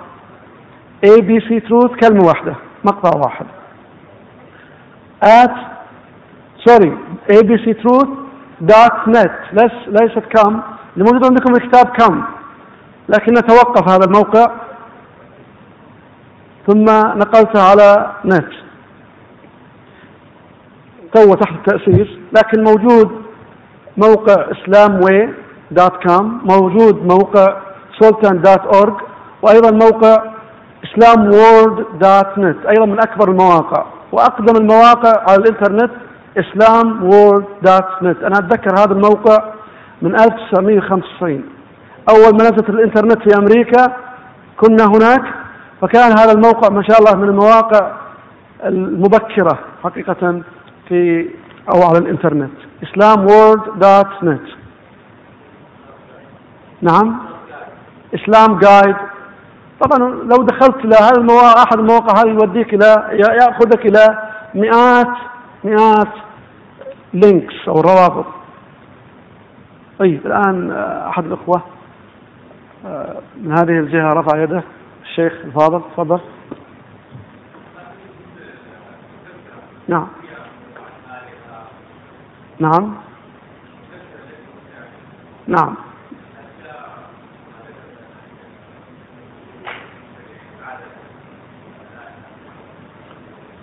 هذه حقة المعلومات الوراثية هذه. لأن لو كل شيء وضعته في المذكرة لصارت كتابا كبيرا. لكن هذه أمور يعني تعرض في الدورة فقط للإفادة والاستفادة. كان الملخص النقاط الرئيسة يوجد في في المذكرة بإذن الله. طيب. إخوان انتهينا من الجهة؟ تفضل.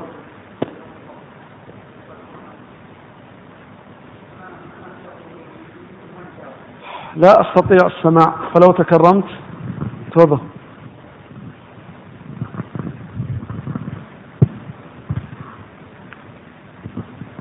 بسم الله والحمد لله والصلاة والسلام على رسول الله. صلى الله عليه وسلم بعض من التقينا بهم يقولون we believe in one God. we do right things good things. We go to paradise. ماذا نرد عليهم؟ يعني يقولون نحن نؤمن بالله. نحن we believe one God نصدق. بإله واحد. طيب. نعمل الأعمال الصحيحة السليمة. Good things. We go to paradise. ما يحتاج نصلي ما يحتاج نصوم من يقول هذا القول؟ النصارى أو نصارى. كذا. نعم. طيب يعني ممكن نرد عليهم نقول نقول لهم. نقول لهم من هو المسؤول أو من هو صاحب الشأن في هذا الجانب؟ من الذي يهدينا إلى الجنة. من يدلنا إلى الجنة؟ من هو؟ صاحب الشأن هو الله سبحانه وتعالى. سبحانه يهدي من يشاء إلى الجنة سبحانه وتعالى. إذا لنرى هذا الإله ماذا يقول عن طبيعته؟ أنت الآن لو تقول أنا أؤمن بشخص ما وهذا يكفي. لكن حسب اعتقادي بينما لو جئت للرجل هذا وقلت له أنت مغرور مثلا. قال لك من قال لك أنا مغرور؟ أنا مو مغرور. أنت قد تعتقد هذا الكلام. ونفس القضية يقول له هناك صفات خاصة بالله سبحانه وتعالى هو الذي أوحى وأخبرنا بهذه الصفات. أخبرنا بهذه الصفات بأن الله واحد ليس ثلاثة. هذا القضية الأولى. الآن تؤمن بإله واحد؟ بأي مفهوم؟ حتى على فكرة يا أخوان الهندوس يقولون إله واحد برهما لكنه يحل incarnation تجسد يتجسد في كل شيء. حتى الهندوس يقولون واحد. وفي كتاب الهندوس The Vedas يتكلم عن The Great One God. وإذا أحببتم مزيد معلومات ما شاء الله ال- فيه أحد الإخوان زكير دكتور زكير نايك. له مناظرات ومحاضرات عن الهندوسية لمن يريد أن يستزيد في هذا الجانب. نقطة أخيرة بس. نعم. دعوة. نعم. كيفية دعوة النساء غير المسلمات؟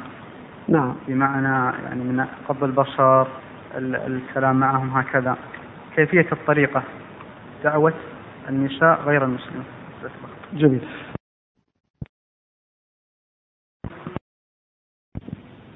آه. خاصة بالنسبة لنا كمسلمين لأن الإنسان يريد حقا أن يغض بصره. لا يريد أن يختلط بهؤلاء. لكن أنت أمام أمرين. أما أن تترك هؤلاء قد لا تجد داعية امرأة داعية أليس كذلك؟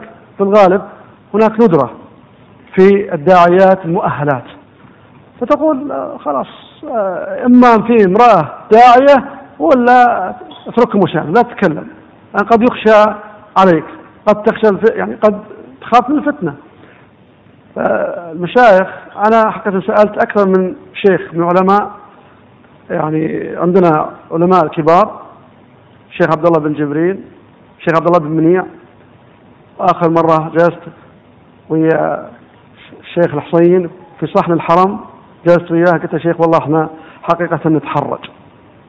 في مكاتب الجاليات نذهب إلى المستشفيات.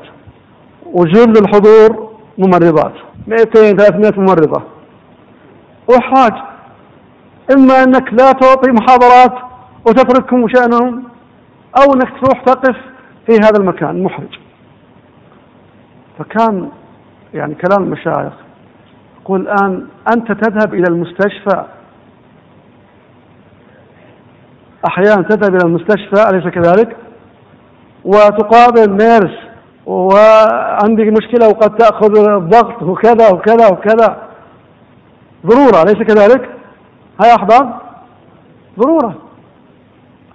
ودعوة هؤلاء ليست بضرورة؟ من يدعوها من يدعو غير المسلمين؟ ثم تحاول قد ما تستطيع أن تقلل من المفاسد. إذا استطعت أن تضع ساتر فافعل. إذا مثل الآن الأخوات ممكن يكون بث. لكن أيضا قد يكون عائق في الدعوة. أنا ألاحظ أحيانا يكون عائق في الدعوة. يكون في ساتر ما فيه يعني تفاعل. تقديم الهدايا وتقديم كذا له دور أيضا. طبعا أيضا لو عدنا إلى عصر النبي صلى الله عليه وسلم. قضية كبيرة وأنا أقول بناء على ما ما استفدت من العلماء سددوا وقاربوا. سددوا وقاربوا. يعني هدفك أنت ليس أن تذهب لتنظر إلى النساء. هدفك إن شاء الله هو دعوة النساء. تخيل لو استنقذت امرأة واحدة. عندنا مثلا في مستشفى واحد 11 ممرضة أسلم في مستشفى واحد. طيب مستشفى ثاني سنتين أو ثلاث. مستشفى ثالث وبعدين هم نفس النيرسز يشتغلون على أنفسهم. تتخيل الأجر الكبير أيضا اللي ممكن أن تحصل عليه بإذن الله. لو هناك أخوات داعيات وهذه دعوة الأخوات ها هنا أن يتخصصن في هذا الجانب. يبدعن يتفرغن هذا الجانب. يتقن اللغة الإنجليزية واللغات الأخرى وبالتالي المرأة تذهب إلى النساء. ركب الله المؤمنين القتال وأنت تذهب إلى الرجال. فأتمنى بإذن الله أيضا يكون هناك تركيز على النساء في أعداد النساء قصدي نعم تفضل يا شيخ.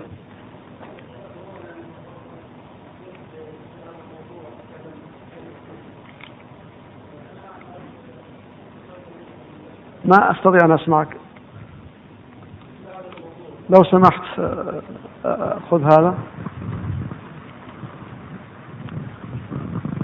لا إله إلا الله. بسم الله والصلاة والسلام على رسول الله. آه، بالنسبة لهذا الموضوع يعني أحببت أني أتكلم في شيء يعني أنا إلي فيه خبرة.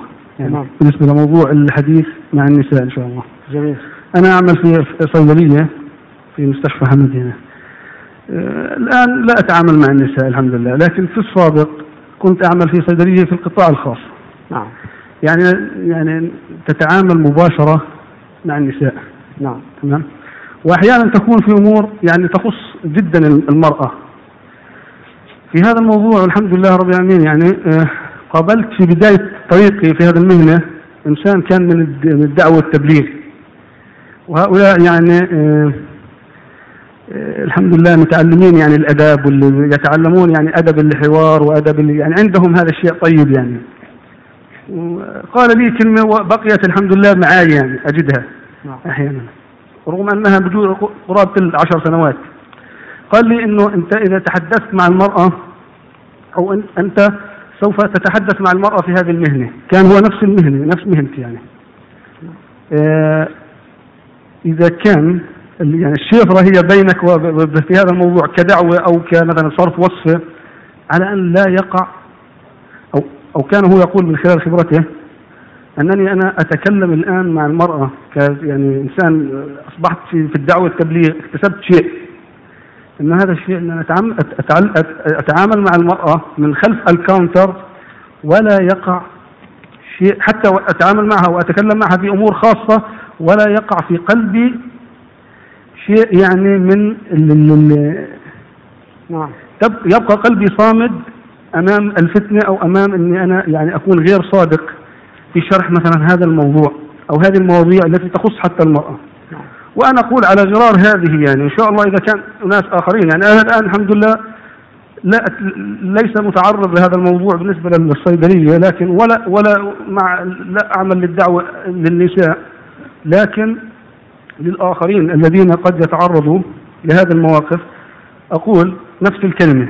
يعني إن شاء الله قد إنك آه، تكون يعني إيمانك قوي بحيث إنك تتكلم وتغض تغض البصر إن شاء الله وأن تراقب نفسك تراقب قلبك يعني. إيمانك قوي وتبدأ تخوض في مثلا الكلام أو تعطيها هذه النشرة أو كذا يكون إن شاء الله قلبك قوي جدا أمام هذه الفتنة.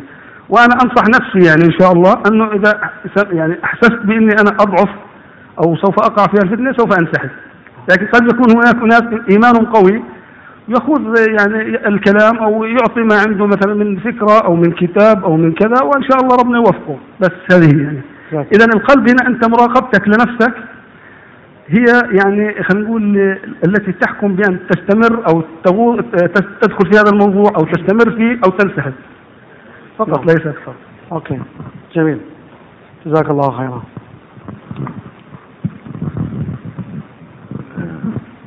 بسم الله. أنا حسن الجفيري يعني اليوم نهاية الدورة حياك. وأنا عندي يعني رأي أحب أطرحه. حياك. يعني يمكن أن أكون على خطأ. يعني أنا في حياتي آه، في في الأعمال كنت دائما يعني على اتصال مع الأجانب وسنين طويلة يعني أنا قضيتها مع الأجانب في التعاملات. وكنا نتحدث عن الإسلام ويعني أنا لست من المتخصصين في الإسلام. يعني قصدي في الدعوة إلى الإسلام. يعني لست متخصصين في الدين مثل الأخوة الموجودين عندنا. فأنا كنت دائما أتحدث معاهم على أساس أن الإسلام يعني آه، دين سهل والطعام متاح ومسموح للجميع لتناوله. وما عدا طبعا آه، الخنزير لأن حتى ال- الأديان الأخرى بعضها مثل اليهودية تحرمه بالنسبة للملابس التي تستر الأجساد جميعها متاحة. وكنت أقول لهم أن الحكمة يعني في الحج أنه يعني يتساوى الغني والفقير في المناسك الحج. وكنت يعني دائما أقول لهم أن في الصيام يعني يثير ذا هنجر الشعور بالجوع الذي يشعره ال- الغني وال- والفقير. وكنت أبتعد دائما عن الأمور التفصيلية. يعني لا أتحدث مثلا عن أن مستحيل كنت أتحدث أن تارك الصلاة لا يقتل أو المرتد مثلا عن الإسلام آه، مثلا يكفر أو يقتل أو مثلا موضوع تعدد الزوجات. في لم لم أتناول هذه الموضوعات أبدا لأن هؤلاء يعني كنت أحاول أن أنا أعطيهم المبادئ البسيطة. ولم أكن إلا إذا مثل ما تفضلت آه، قبل أنت وذكرت أنه إذا سأل فأحاول أن أنا أبرر له ليش مثلا موقف الإسلام من التعدد كما يعني ذكرت أنت. ويعني آه، يعني أمور مثل رجم الزاني أو رجم الزاني هذه أمور يعني أنا في حياتي لم أتطرق إليها ابدا في في تحدثي مع الأجانب إلا إذا يعني إلا إذا كان في هناك مراحل متقدمة ويعني أرجو من سيادتك إنك تأكد آه، يعني على هذه النقطة إن يعني إن لا تذكر في بداية الدعوة أمور مثل قطع يد السارق أو يمكن أنا أكون غلطان ولك انت رأي آخر بس أنا قصدي إنه في بداية الدعوة المفاهيم اللي أنت ذكرتها وعدم ال- يعني الخوض في التفاصيل. اللي هي المرحلة الأدفانسد يعني اللي ال- التالية يعني. والله من وراء القصد. أنا أخوكم حسن ما الجفير قصرت اشخاص شكرا لك على هذه المداخلة. وحقيقة كما ذكرت أنت هذا ما ذكرناه ملخص ما ذكرناه الحديث عن جمال الإسلام. أليس كذلك؟ وما أعتقد يعني إن حتى عبر السيرة وعبر آه، أيضا آه، النبي صلى الله عليه وسلم عندما يأتي الشخص أو يأتي الرجل يع- يعلمه الإسلام يقول له أول شيء الحدود أو القتل أو كذا. فيعني أيضا هذا موجود في السيرة. طيب يا أحباب آه، بعض الأخوة رفعوا أيديهم قبل قليل. تفضل يا أخ عمار. تفضل. دكتور آه، جزاك الله خير يعني على النقاط اللي طرحتها يمكن نصل إلى نهاية المطاف لكن مو معنى كلامك أن إحنا ننهي الدعوة وأن خلاص يعني همتنا ضعفت. بس بالعكس يعني رفعت هممنا أن في نصارى موجودين في أديان أخرى قاعد تواجه الإسلام. يمكن كانت معرفتنا السطحية أن مو إحنا اللي قاعد نتعرض كمسلمين للإيذاء تعرض الرسول صلى الله عليه وسلم للإيذاء بالسب واللعن. من خلال قرف المحادثات من الموضوعات من أعداد كبيرة كمليون شخص يقف ضد الرسول صلى الله عليه وسلم. فكان يعني لزاما لنا أن إحنا ندعو الناس لما نشوف ناس يمكن يكون مدرك عقليا أن والله الحياة موجودة لكن يجب علينا أن نوصل لمعنى الإسلام. فماذا يعني نبي نعرف هل في مجال نقدر نحصل على المواد الإعلامية اللي قاعد تعرضها؟ على أساس إحنا نستفيد منها. الأمر الآخر يعني بعد نهاية الدورة هل أنا أروح كمثلا داعية وأعمل الدورات اللي تعملها ولا في خطوات موجودة لازم أمر عليها؟ لأن أنا يعني من رأيي أن الشباب الموجودين جزاهم الله خير يعني في الدورة أتوقع أن بعد إحنا محتاجين تأهيل آخر لمعرفة تعريف الدعوة آه، أهمية الدعوة آه، بعدها الأساسيات اللي ندخل فيها الدعوة بعض الردود. يعني ما نبي أن إحنا نت- نتجازف نترك المجال فقط بتوزيع الكتيبات الأمور المبدئية هذه. هذه النقطة الثانية. النقطة الثالثة نبي نعرف حجم آه، دخول المستشفيات الإرسالية اللي موجودة في الخليج. هل لها تأثير موجود ولا بس اسم؟ أنا حقيقة لما أشوف المستشفيات بعض ال- المرات أزورها أحصل الأناجيل موجودة في بعض الأقسام. يمكن ما أعرف حتى اسم الإنجيل موجود. هل تتوقع أو عندك إحصائيات أو اطلاع مسبق أن المستشفيات الإرسالية قدرت في إيصال مفهومها مع يعني قدمها؟ وفي النهاية حاب أن تختم نصيحة توجهها لنا يعني كدعاء مبتدئين في الدعوة. يعني ما دورنا أو الأمور اللي تتطلع لها أن إحنا نصل لها حتى نحمل الهم الدعوي جزاك الله خير. وإياك إن شاء الله. يا شيخ عمار في آه، كم برقية أرسلت؟ ها؟ الأخير أخاف ما أقبض شيء منها. واحدة واحدة. أما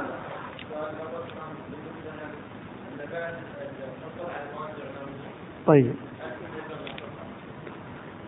أنا ذكرت الإخوان بأن شريط فيديو يوجد في الحقيبة التدريبية خمسين حقيبة تدريبية أحضرتها معي لإدارة إدارة الدعوة.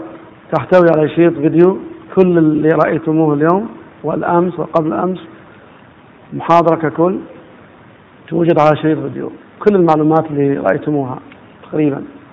ومذكرة إضافة إلى ثلاث كتيبات.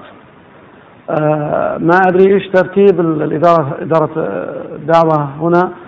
هل تعطيها للدعاة فقط أم لا أدري. هناك ترتيب معين. بل ما أعرفه هو حقيقة أن المذكرة توجد صورت 100 نسخة الآن. هذا شيء اللي أعرفه. مذكرة صوروها الإخوان 100 نسخة لعلها توزع على الجميع هذا المذكرة. آه، موضوع ما يتعلق وأيضا هذا إجابة لأحد الأخوات قبل قليل. ذكرت موقع جميل اسمه دعوة ميمو دعوة ميمو dot com. فيه كثير من ال presentations حتى بعض ال presentations هذا اللي اليوم تشوفونه أحد الأخوة أخذها مني وحطها وحطها على هذا الموقع. تفضل دعوة ميمو. آه لو بحثتم تحت search تحت عنوان أو keyword دعوة. تخرج لك مواقع كثيرة. وسائل إبداعية في الدعوة. آه هناك مواقع كثيرة حقيقة. الشباب والشابات ما شاء الله بذلوا جهد كبير في هذا الجانب. سيب لها بحث على ما يقول وتجد مواقع كثيرة. بل حتى كثير من الصور التي ترونها الآن من الإنترنت تأخذها. لو تذهب إلى مثلا هندو حط هندو. Hinduism dot com تجد الصور هذه بودا و و و بودا. تجد Buddhism dot com كل هذه تجدها على الإنترنت يا إخوان. الان لم يتبقى شيء. يعني كل شيء موجود على الإنترنت. كل شيء متاح. النقطة الأخرى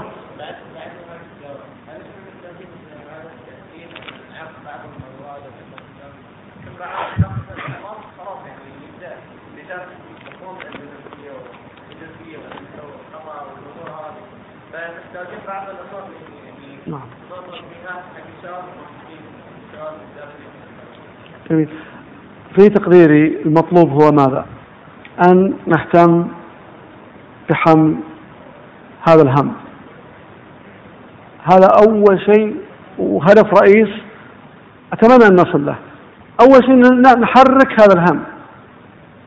نتحرك كما ذكرت من قبل بأدب وإخلاص ولطف وحكمة بدون تطرف بدون تسرع. نتحرك لهذا الدين لبيان جمال الإسلام ومحاسن الإسلام. ليس فقط فقط لغير المسلمين بل حتى المسلمين يا إخوان يعني يا إخوان يا أخوات كما ذكرت الشابات والشباب والكبار والصغار الآن في هاوية كبيرة نسقط ونقع فيها. الكبار والصغار نرى هاوية يوميا ناس تتساقط في هذه الهاوية. أليس كذلك؟ كم من يقع الآن في المخدرات في الفاحشة في شرب الخمور في أشياء منكرات ما كنا نعرفها من قبل. فتحت علينا الدنيا عبر القنوات وعبر الإنترنت وعبر الآن آه، لا تأمن على طفلك. وهو في الغرفة خاصة جالس مع الإنترنت وإذا به لا سمح الله يدخل مواقع إباحية جنسية الآن عن طريق البلوتوث تأتيك رسائل فاضحة. كيف نوظف هذه الأمور للدعوة؟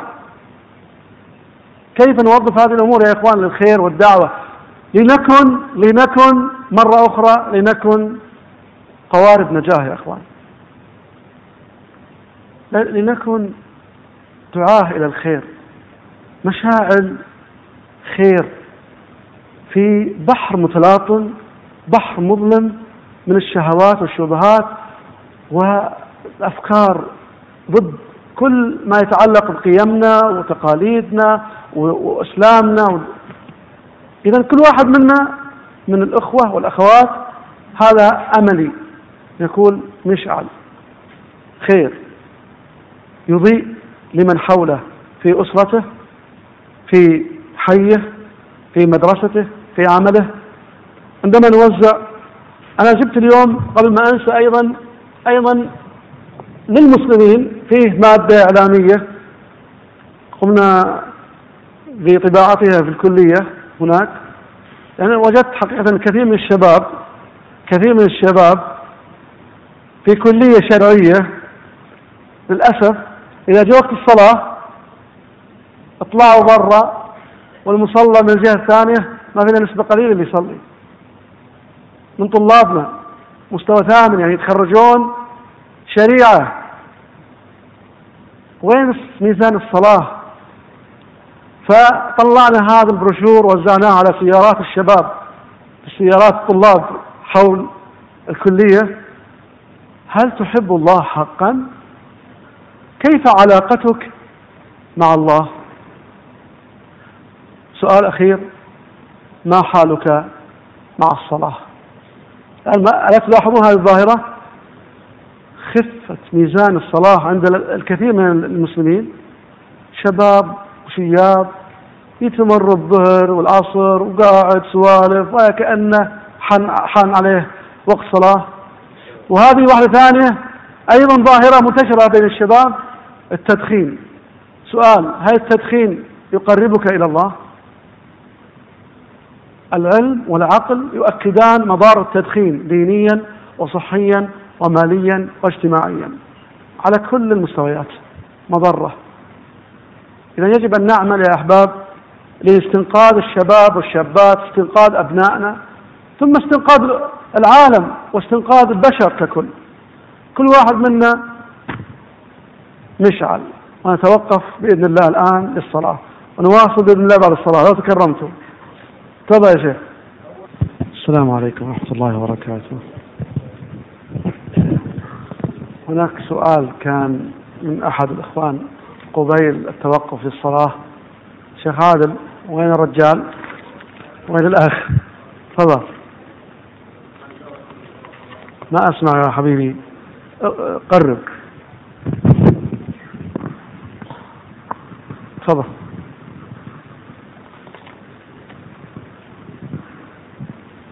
بس ما زعلت علينا عشان؟ ها؟ أوكي شكرا.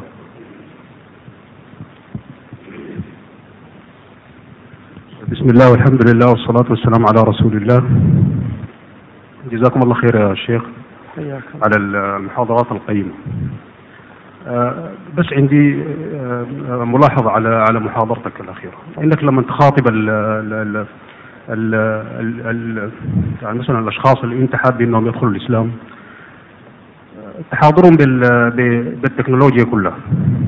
يعني تستخدم كل الوسائل لل- للعرض.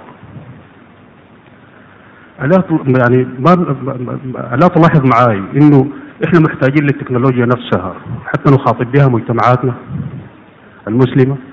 يعني إحنا محتاجين في المسجد حتى نعرض مضار التدخين. إحنا لما نجلس في جلسة في في محاضرة علمية للأطباء مثلا يحاضرون بوسائل علمية وب يعني كل الأعضاء تبدو آه، يعني خربة آه، ألست معي بأنه إحنا نحتاج للتكنولوجيا هذه. في خطبة الجمعة مثلا آه، مضار المخدرات. في خطبة الجمعة نشوف إحنا نشاهد مضار التدخين يعني بعض الناس ما يجوا ما يرتادوا ما يرتادوا المحاضرات العلمية. وبعض ال- الأشخاص معظمهم لا يقرأ. يعني بالإحصاءات إحنا أمة صارت لا تقرأ. آه، إحنا نحتاج لوسائل الإيضاح للتكنولوجيا في خطب الجمعة.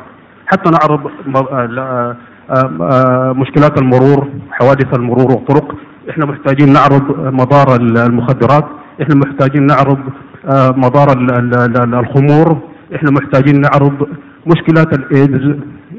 وبعض ال- ال- ال- ال- الوسائل الايضاحيه فيها خطيرة خالص خاصة ما تبين فيه آه، ال- ال- مضار على على الجسد. نعم. إحنا محتاجين لشيء إحنا صرنا للأسف يعني إحنا نؤمن بالأشياء الملموسة. رغم قناعاتنا بالصحابة رضي الله عنهم لكننا اليوم لو نزل علينا الرسول صلى الله عليه وسلم وقال أنا أسري بي كم حيؤمن يا إخوان؟ كم فينا حيكون أبو بكر الصديق؟ صرنا نؤمن بالأشياء الملموسات أمامنا. أو نترك. جزاكم الله خير. وإياكم. يبدو أني ذكرت في آخر أو قبيل الصلاة عندما سأل الأخ عمار أن نحتاج إلى دعوة المسلمين وغير المسلمين وأكدت على قضية دعوة الشباب والشابات من السقوط في الهاوية. وكما تكرمت أخي الكريم يعني نحتاج كل هذه الوسائل وهذه التقنية في الدعوة. ندعو المسلمين في المقام الأول ثم ننطلق أيضا إلى غير المسلمين. لكن أيضا بعض قد يقول أو قد يصل إلى هذه القناعة يقول خلنا نخلص أول المسلمين وننتهي. وبعدين نتوجه إلى غير المسلمين. هذه مشكلة أخرى أحباب لأن غير المسلمين البعض يموت منهم يوميا. أليس كذلك؟ كل يوم في إحصائية علمية لعل يصير فرصة أوريكم إياها هنا على كليب.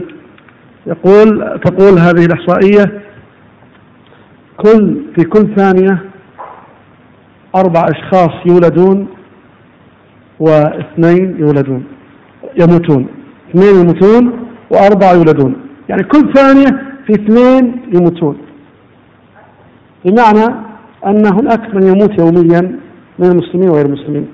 بالنسبة لغير المسلمين من يدعوهم إلى الله؟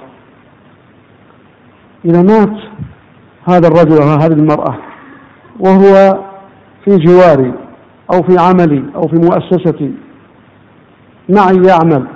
في المستشفى أو كما تكرمت في آه، الصيدلية أحد الإخوان ذكر وأراهم ويروني يوميا قد أصبحهم كل يوم هاي جورج هاي سيرا Mary how are you today ولكني أستحي أو البعض يخجل أن يتناقش في هذا الموضوع ويعرض لهم جمال الإسلام.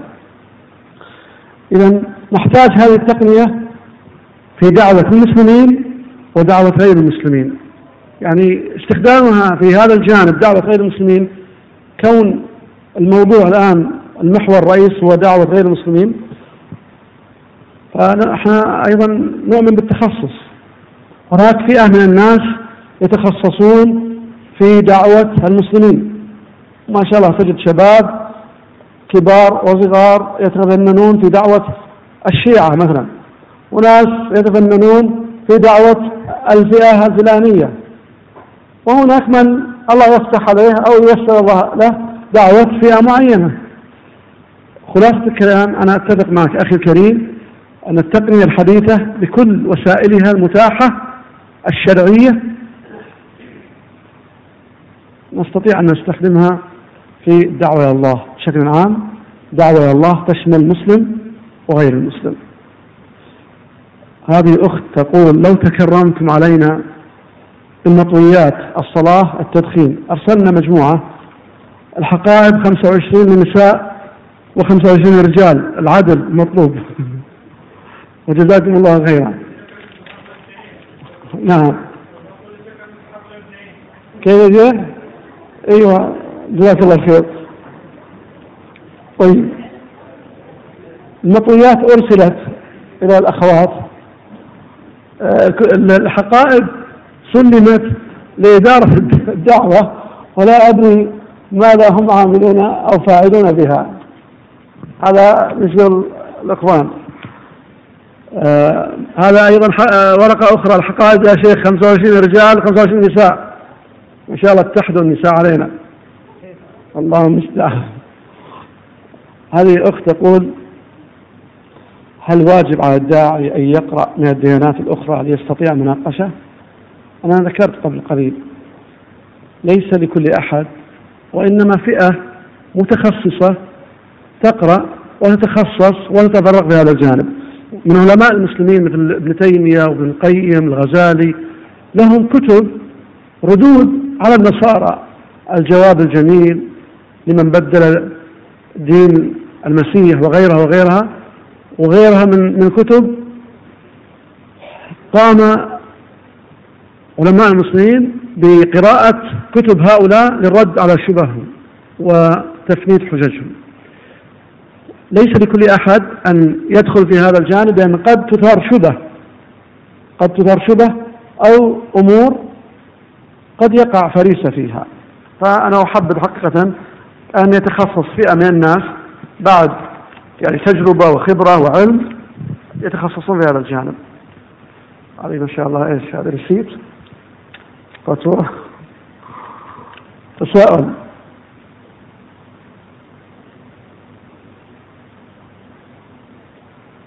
أين ال- الذكر أو ما أدري السؤال غير واضح الذي سيحمل الحقيقة الح- الحقيبة بحقها؟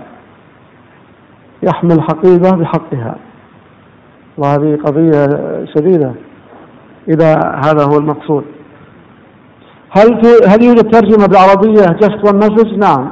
وزعناه بالأمس رسالة واحدة فقط موجودة باللغة العر- العربية. وممكن أيضا إن شاء الله ترسل نسخ منها للنساء. بالأمس أرسلنا نسخ أعتقد إلى النساء. فإذا وجد أعطائي نسخ خمس.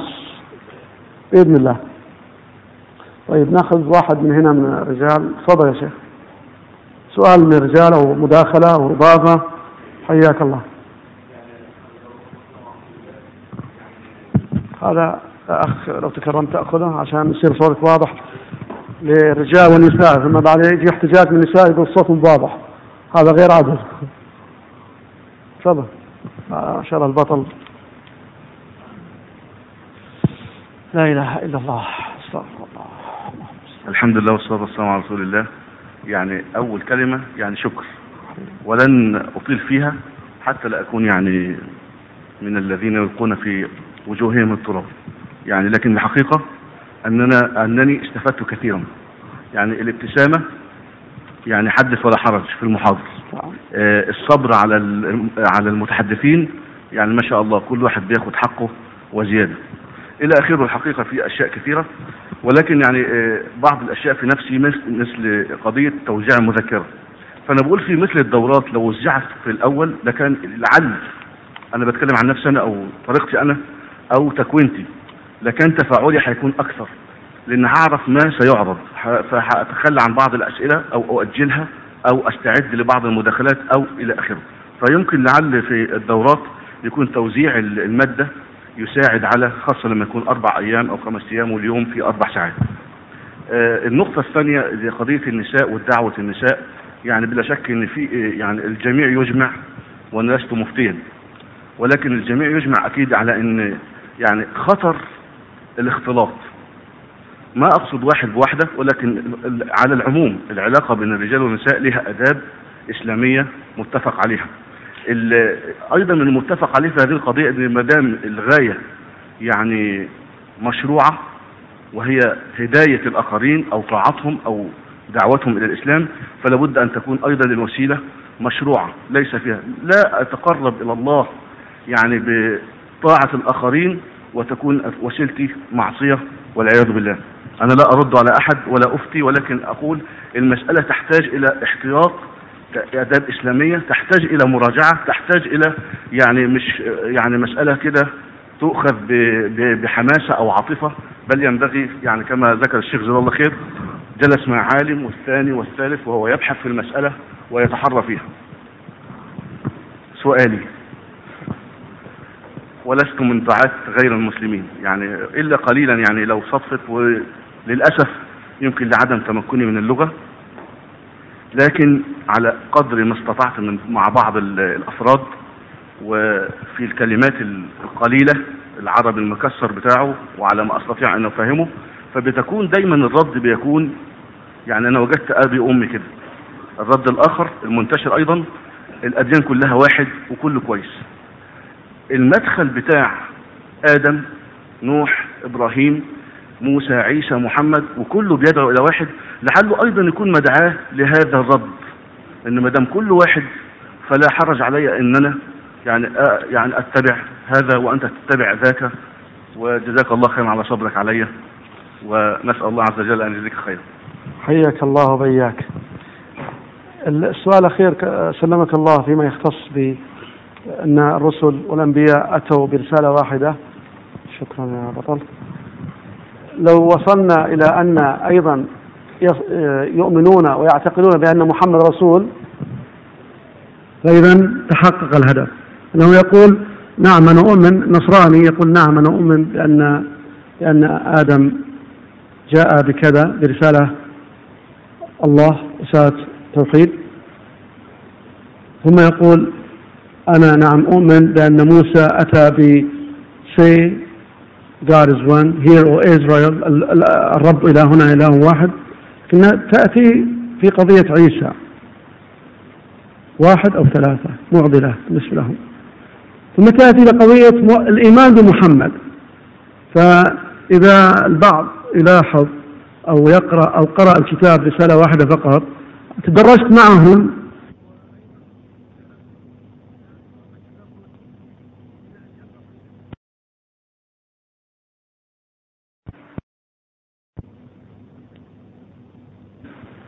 ثم نأتي إلى آخر جملة في الكتاب وتقول لهم في صفحة أفتح لكم صفحة صفحة 26 لمن عنده الكتاب يقول ultimately وأخيرا وفي الختام to attain salvation للحصول على الخلاص we must receive and believe in the above mentioned message. يعني يجب علينا أن نؤمن بهذه الرسالة الواحدة. إن الله واحد nevertheless إلا أنه this is not enough. عمل هذا ليس كاف. We must also believe in all God's true prophets and messengers. يجب علينا أن نؤمن بجميع أنبياء الله ورسله. ويشمل ذلك الرسول محمد صلى الله عليه وسلم. ومن أجل أن تحقق ذلك عليك أن تقول أشهد أن لا إله إلا الله وأشهد أن محمد رسول الله محمد رسول الله صلى الله عليه وسلم لأنه هو الذي أتى في ختام أو خاتمة هذه الرسالات.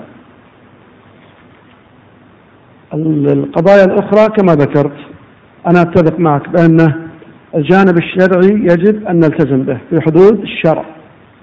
الحماس لا يجب أن أحيانا الإنسان يجامل كما ذكر الشيخ الفاضل لأن أحيانا أحيانا قد ينحرج. يأتي مع في موقف تأتي المرأة تصافح يقول ما يخالف يعني تأليفا لقلبها خلينا صافح ويجي ما يخالف وأطلع وياها جميع ولعلي إن شاء الله اهديها إلى الإسلام. بدعوة نيتي صائفه اذا يجب أن نراعي الشرع. لا يخلو معها لا يصافح وهو كما ورد في الحديث الشريف لأن يضرب أحدكم بمخيط في رأسه خير له من أن يمس امرأة. أو كما قال صلى الله عليه وسلم الرسول صلى الله عليه وسلم لم يكن يصافح النساء. البعض الآن يأخذ مجاملة اجتماعية. ما يخالف جاءت زوجة آه، الأخ في بعض المجتمعات ولا زوجة كذا أهلا وسهلا كيف الحال؟ وسلام. إذا ما وصلت أحيانا للتقبيل الله المستعان في بعض المجتمعات. فإذا يجب أن نراعي الشرع في هذا الجانب. الحاجز اللغوي هل هناك من تجارب قمتم بها لتخطيه؟ وهل هناك برامج تأهيلية أو توجيهية لمعالجة هذه النقطة؟ يا أحبابي الآن من أجل الحصول على وظيفة أخبروني بحق كم نحتاج من سنة لنحصل على وظيفة؟ كم؟ كم سنة نقضيها من أجل الحصول على وظيفة؟ كم تقريبا؟ تقريبا كم؟ آه أخ محمد. أنا أبغى من البداية. كل هذا هدفه إيش؟ ما يقل عن 20 سنة. ابتدائي متوسط ثانوي جامعي. أحيانا ماجستير دكتوراه. كم؟ لنقل خلينا خليها بالتخفيضات ها؟ بيج سيل خليها عشر سنوات. عشر سنوات. من أجل وظيفة من أجل الدنيا. طيب من أجل ربك من أجل دعوتك من أجل دعوة الله سبحانه وتعالى ما تستحق أن تبذل. ما أقول عشر ابذل سنتين. تعلم لغة إنجليزية صح؟ خذ لغة بشكل صحيح في سنتين مع الممارسة بإذن الله تستطيع أن تستطيع أن توصل معلومات بشكل معقول. الآن البعض يسافر إخوان يسافر البعض إلى بريطانيا وأمريكا بعض الشباب يدرس سنة يدرس سنة هناك لغة يقول عشان بس أعرف شلون أتعامل وشلون أفهم الأغاني والأفلام. أليس كذلك؟ بعض الشباب الآن يبغى يعرف كيف يقط البنات. خاصة إذا صار أمريكيات ولا أوروبيات يبغى يدخل وياهم بطريقة يعني مرة casual hi guys how you doing ويمشي بها ب slang يسمونها. لغة دارجة. من أجل أن يتقرب إلى من يريد. طيب يا أحباب إحنا الآن لو درسنا اللغة سنتين أو ثلاث سنوات أو أربع سنوات وتخصصنا في اللغة من أجل خدمة الإسلام أما تعتبر هذه الدراسة أجر ومثوبة لك؟ ها يا أخوان يا أحباب يا أخوات لو درست اللغة الإنجليزية أو الإسبانية أو الفرنسية أو غيرها وقلت أنا أريد أن أدرس هذه اللغة أربع سنوات بكالوريوس أو أكثر أو أقل ماجستير أو أكثر من أجل أن أدعو إلى الله. كم تأخذ الأجر؟ كم؟ كل محاضرة وكل حضور تحضره كلها مسجل لك حضور مو بالمحاضرة حضور أجر عند الله سبحانه وتعالى. لأنك نويت الخير. إنما الأعمال بالنيات. إذا ليش؟ لماذا لا يتفرغ البعض منا من الأخوات والأخوة وينمون الخير؟ ويقول أنا سأتخصص وممكن الأبناء والأطفال إذا فات البعض يقول والله الآن توليت وقت متأخر بالنسبة لي. لكن أنا أقول ما يخالف جيل الأجيال المستقبل. أنا أقول ممكن ابني إسحاق أريده أو محمد أو عبد الله إن شاء الله أعده ليتعلم اللغة الأسبانية. لأن عندنا نقص. ولدي محمد الثاني إن شاء الله بخليه يتعلم الفرنسية. وبيكون بإذن الله داعية باللغة الفرنسية. يا أخي يا إخوان ليش ما نحلم مثل الأحلام؟ ليش ما نخطط؟ لما لا؟ الآن بعض المدارس الخاصة حق في اللوردات مدارس اللوردات في بريطانيا وغيرها وغيرها من المدارس هنا حق النخبة وعلية قوم ألا يحضرون مدارس خاصة من أجل مستوى معين يصلون إليه؟ أليس كذلك؟ في بريطانيا وفي أمريكا وفي أماكن مختلفة من العالم مدارس خاصة لأبناء النخبة.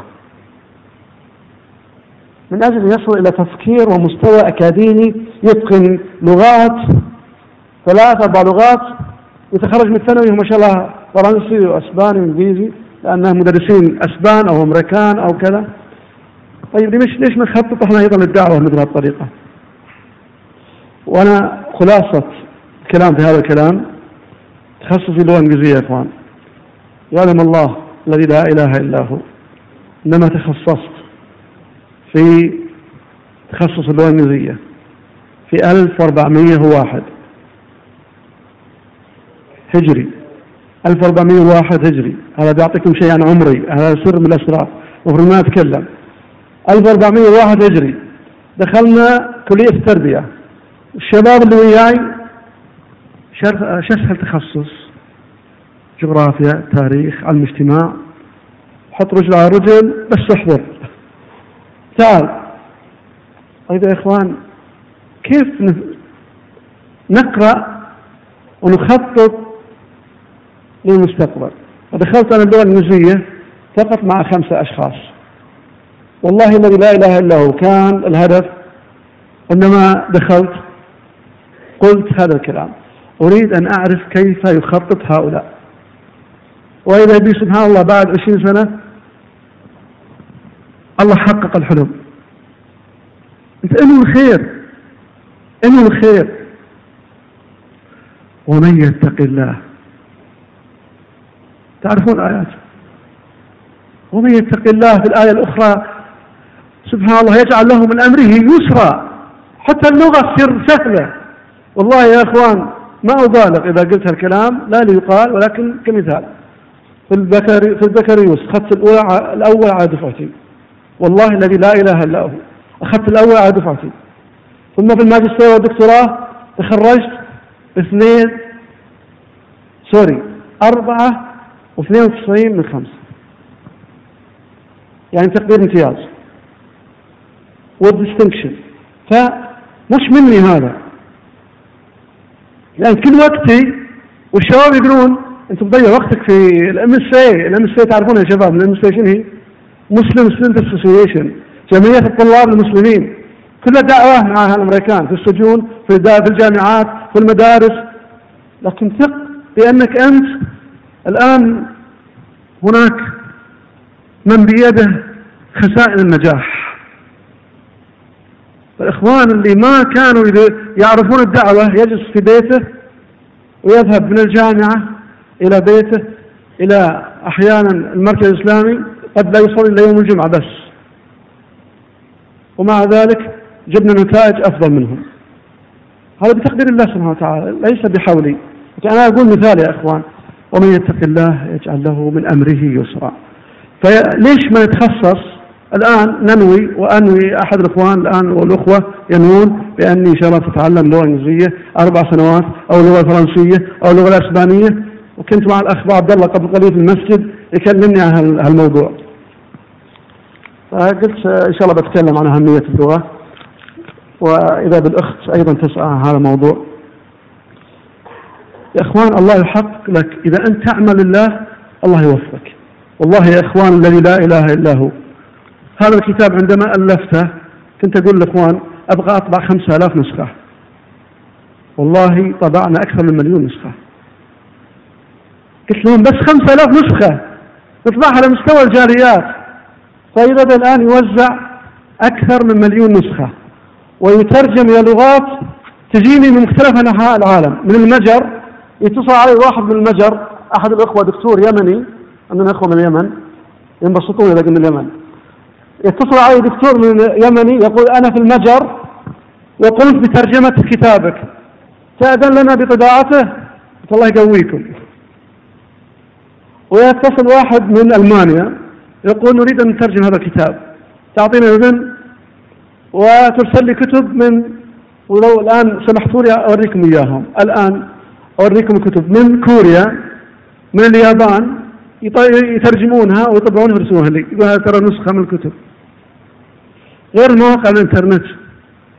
أدخل أحط Just One Message وإذا أرى عشرات المواقع وضعت هذا الكتاب. والله ما قلت لهم ولا أرسلت لهم. حطوا أي واحد يروح يحط Just One Message ناجي عرفج وراح وشوف كم موقع. والله لا أدري من وضعها ولا أعرفهم في الغالب. إذا هذا تيسير تيسير من من؟ تيسير من من؟ من الله سبحانه وتعالى أن تعمل لمن؟ وإن كان مع الله؟ كان الله معه. أنا أرى هذا بنفسي والله. لا أقول واحد يقول لي تجربة ذاتية قد ما تعطي الله يوفقك. اخلص النية مع الله الله يوفقك. طيب إذا حن كم واحد وزع ثلاث كتب أمس؟ على فكرة. في أحد إن شاء الله وزع ثلاث كتب تمت توزيع الكتب إن شاء الله؟ عسى. الله يعين. على العموم الحاجة كبيرة والطوفان كبير فنسأل الله أن يكون نكون قوارب نجاة في هذا الطوفان. طيب آه، حصل أسئلة كثيرة وما أدري يعني هل أستمع الإخوان أو أخاف أيضا الإخوان يعني يملون من نعم. أعطيهم أعطيهم مساحة أكثر. هذه الأخت تقول زوجة خالي أسبانية أسلمت منذ سبع سنوات. وتصلي ولكنها تعيش في أمريكا وغير مقتنعة بالحجاب. طيب شو المطلوب؟ نقنعها بالحجاب إن شاء الله. يعني أيضا قضية إقناع المرأة يعني الأخت اللي معنا الآن أو الأخت اللي في الخارج نحاول نقنع الأخوات أن الحجاب ليس عادة. ليس عادة يعني البعض يعتقد أن الحجاب عادة في الخليج أو في البلد الفلاني والعلاني وأن حتى تغطية الوجه هذه أيضا فقط عند. عند الوهابيين المتزمتين فهذه قضية أخرى الرسول الكريم الله يخبره يقول له يا أيها النبي قل لأزواجك وبناتك ونساء المؤمنين. ونساء إيش؟ ونساء المؤمنين. يدنين عليهن من جلابيبهن. يدنين عليهن. تدني عليها. مو بتخفف حط الجلابيب والجلباب معروف في اللغة. ذلك أدنى أدنى أن يعرفن ماذا يجعلها أدنى أن تعرف؟ شنو؟ الإنسان يا إخوان يعني الآية أدنى أن يعرفن فلا يؤذين. شوف الحكمة. ما تؤذى بنظرة. نظرة شخص يتعشق فيها. يقول ما شاء الله شو الجمال طاح قلبه. جميلة فاتنة. إذا الجمال أين جمال المرأة يا أخوات؟ يا إخوان جمال المرأة وين؟ الشيخ ابن عثيمين يقول إذا جاء واحد يخطب ولا يتزوج يروح يناظر المرأة في رجلها ولا في وجهها يقول أبغى أشوف أصبعك الإصبع كبير هذا أبغى أشوفه. هل هو حلو ولا؟ يا أخوات يا أخوات والله العقل والشرع. يعني قد يقول والله البعض هناك أحاديث لكن عشرين حديث صحيح يستدل به على تغطية الوجه وليس وليس الهدف الآن إثبات شرعية تغطية الوجه ولكن الآن نتكلم عن الحجاب بشكل عام فالحجاب أمر شرعي الله سبحانه وتعالى يقول ولا يبدين زينتهن لا يبدين زينتهن الزينة إيش الزينة يا أخوات؟ الزينة وين الزينة؟ اجمل شيء في المرأة؟ ما هو أجمل شيء؟ اسأل أي شخص إيش أجمل شيء في المرأة؟ أنا أنظر إلى وجه المرأة خلينا نقول وجه المرأة محروق. زين؟ افترض إن وجه المرأة محروق. شعرها ناعم. جسمها أبيض. افتراضا. ها؟ بس وجهها محروق. كم واحد منكم يبغى يأخذها يا إخوان؟ ولا واحد. اخ محمد يقول ولا واحد. فرض انها مريضة. مشلولة في وجهها. إلا إن الشخص بيضحي يقول أنا أبغى أبتغي الأجر في هذه المرأة هذا شيء ثاني. صح لا؟ تجي تجي امرأة قبيحة. بعض الأخوات والزوجات إذا قلنا لهم ولا داعبناهم نبغى نتزوج. قال طيب ليش ما تتزوج من الصومال ولا من السودان ولا من مع كل تقدير واحترام. يقول أنتم تبحثون عن البياض. أليس كذلك؟ يقول أنتم تبحثون عن الشقوات. ليش ما تروحون آه، تروحون البوسنه بس وأسبانيا تبون؟ ليش ما تروحون آه، أدغال أفريقيا؟ اذا قضية أخرى هذه. فالحجاب من الله سبحانه وتعالى أمرت به المرأة ويجب أن تقتنع لأن هذا سبحان الله صيانة لجمالها. هذه الدرة مصانة. انظر الآن المرأة اللي ما شاء الله أنا أنظر بعض أخوات داخلات ما شاء الله حجاب كامل لا ترى شيء. حتى لا يجرؤ شخص أن يرفع عينه سبحان الله. وامرأة تراها في الشارع لابسة عباية فرنسية وضيقة مخصرة وبوشية تطير كذا يسمونها ملكية الظاهر ها؟ ملكي. ما يسمونها عندكم هنا. نفس الشيء يا اخوان ها؟ ها؟ ما عندكم خبر؟ ما تعرفون امور النساء تفضل يا شيخ.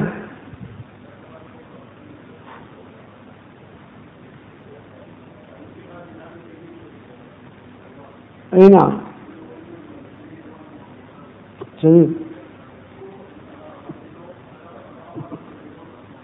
جميل أنا قلت لك هذا الكلام جزاك الله خير.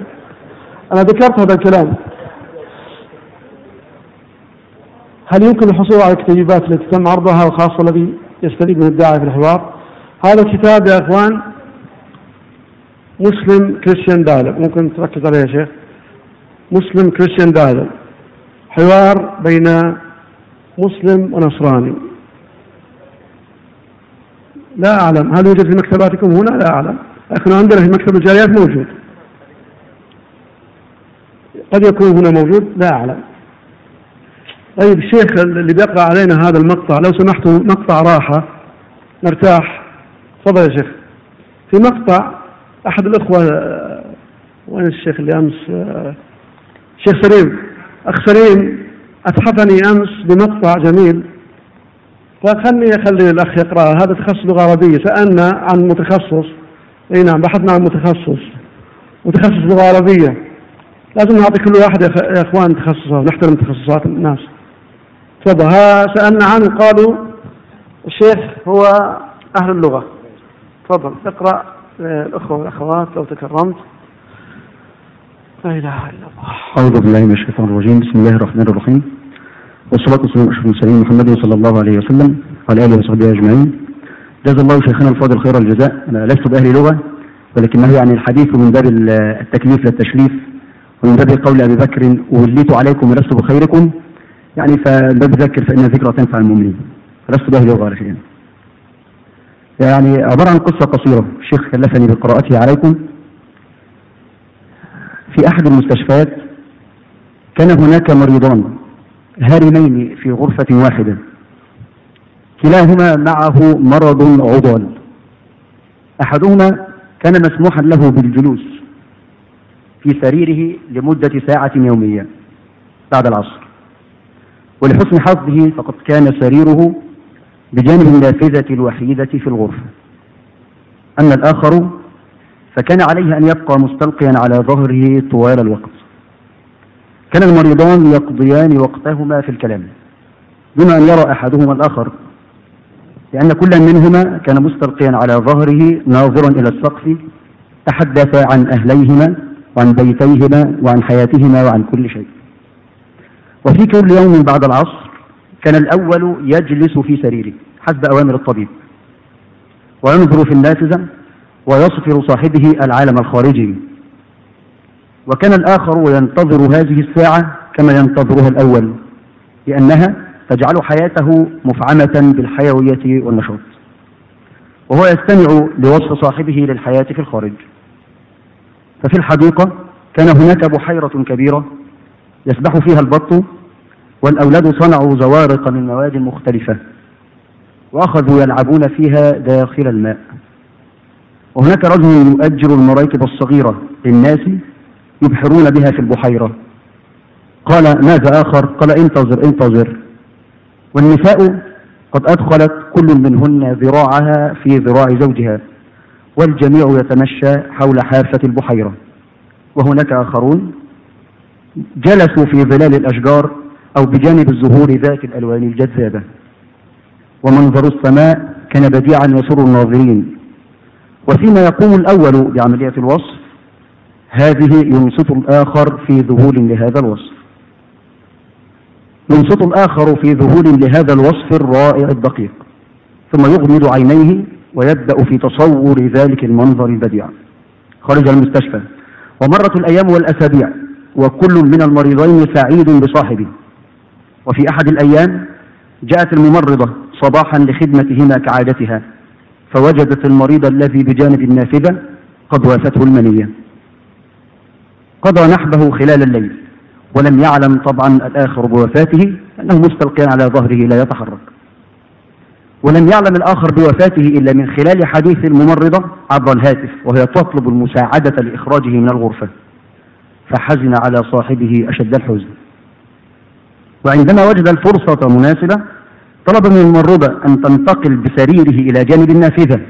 ولما لم يكن هناك مانع من الطلب أجابت طلبه.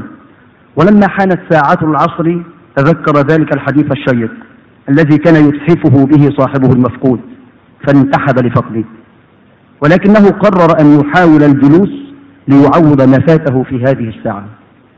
وتحامل على نفسه وهو يتألم ورفع رأسه رويدا رويدا مستعينا بذراعيه ثم اتكأ على أحد مرفقيه وأدار وجهه ببطء شديد تجاه النافذة لينظر العالم الخارجي ولكنها كانت المفاجأة لم يرى أمامه إلا جدارا أصم من جدران المستشفى فقد كانت النافذة على ساحة داخلية.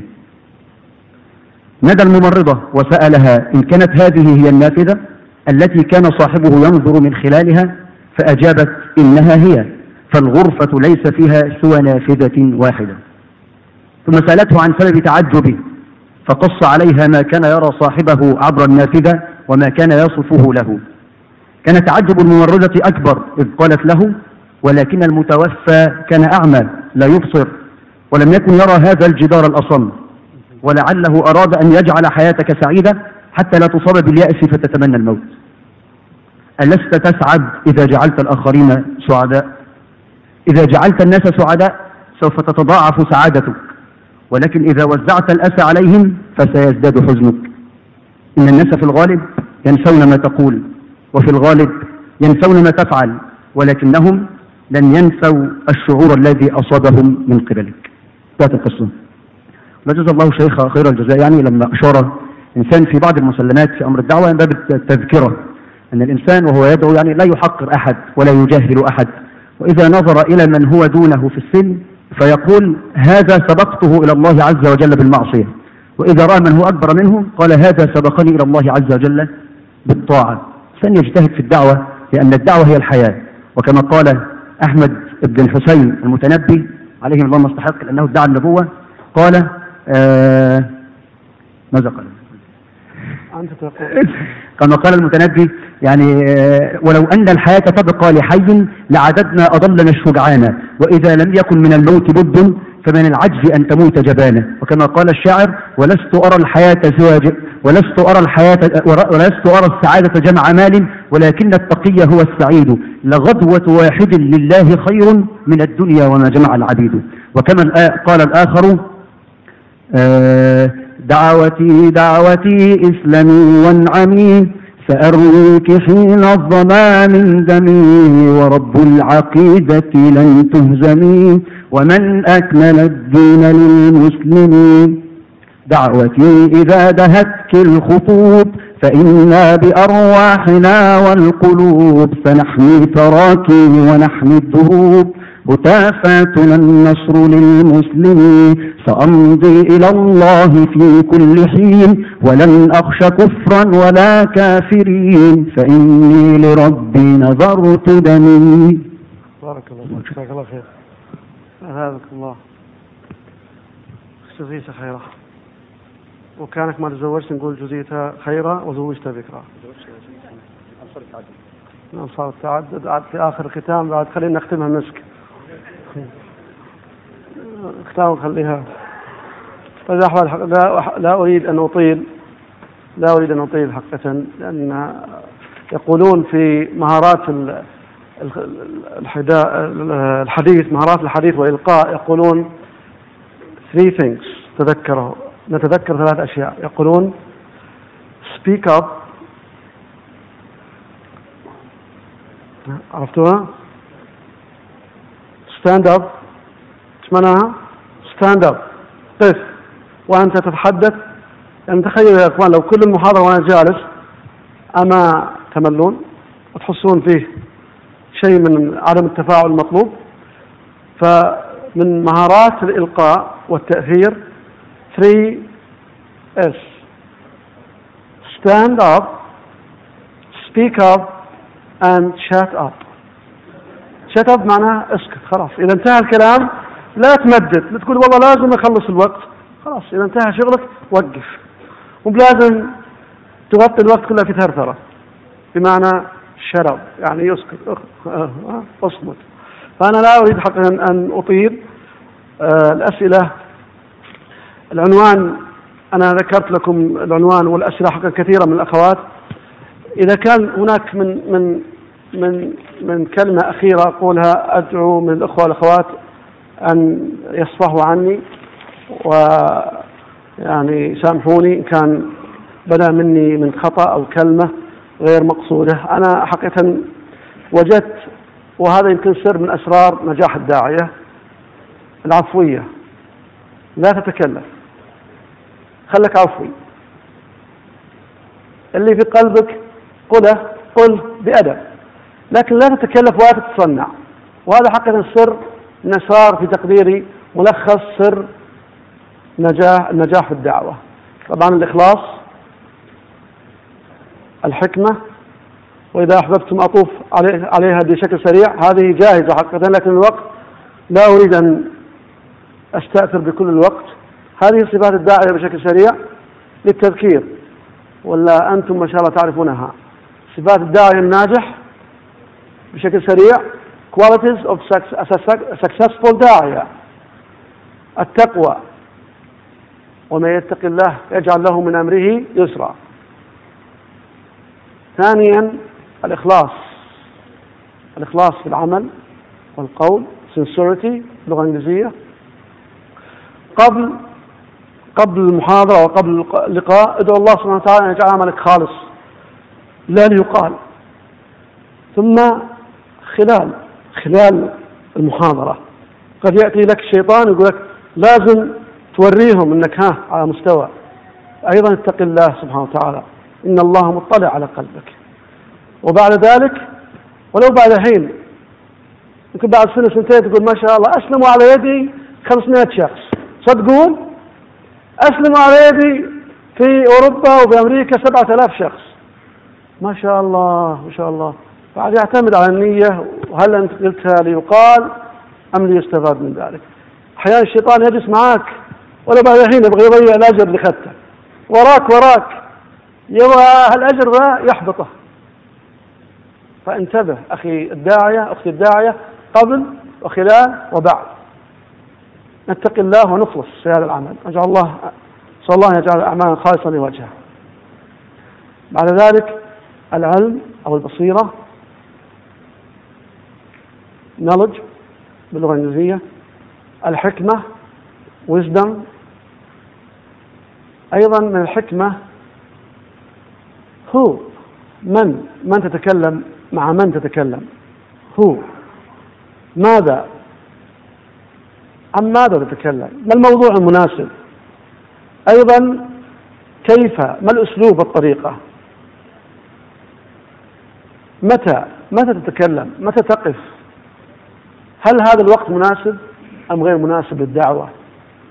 عندما أرى شخص متعب أو في عز الظهر الساعة واحدة واحدة ونص في الشارع شوف آه، فلبيني أو هندي أو كذا غير مسلم تقول له وقف شوي في الظهر في الشارع حر زي اليوم هواء وعج. وقف شوي خليني أعطيك بس بعض المعلومات عن الإسلام. الإسلام هو كذا ثم تستمر. دقيقة بس دقيقة وتصير عشر دقائق ربع ساعة ساعة. بس دقيقة. أين؟ هل المكان مناسب؟ الصبر patience. عليك بالصبر. الصبر على المدعوين. الصبر يا أحباب أحيانا تحتاج الصبر مع أقرب الناس إليك. والدعاة قد ما شاء الله يعني يخبرونا بذلك. أحيانا أمك زوجتك أطفالك قد يكون هم أكثر من يضايقك في هذا الأمر. الأم بقلبها الحامي. وأدعوكم أن تدعوا لأمي حقيقة لأنها متعبة. الزوجة.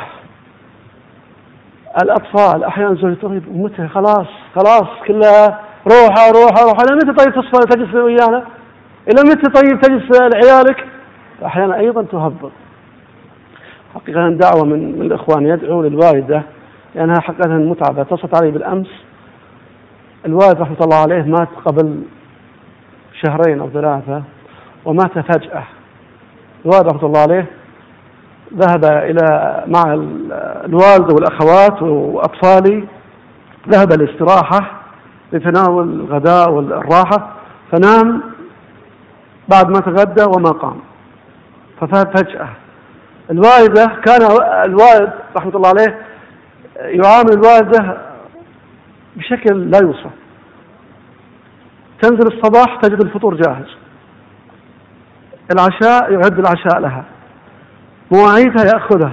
محاضرات حلقات يأخذها وينتظر عند الباب. رحمة الله عليه. فعندما مات صار جرح كبير. ولا تتكلمني الباب تبكي تقول هدي رحت وتركني. ليش؟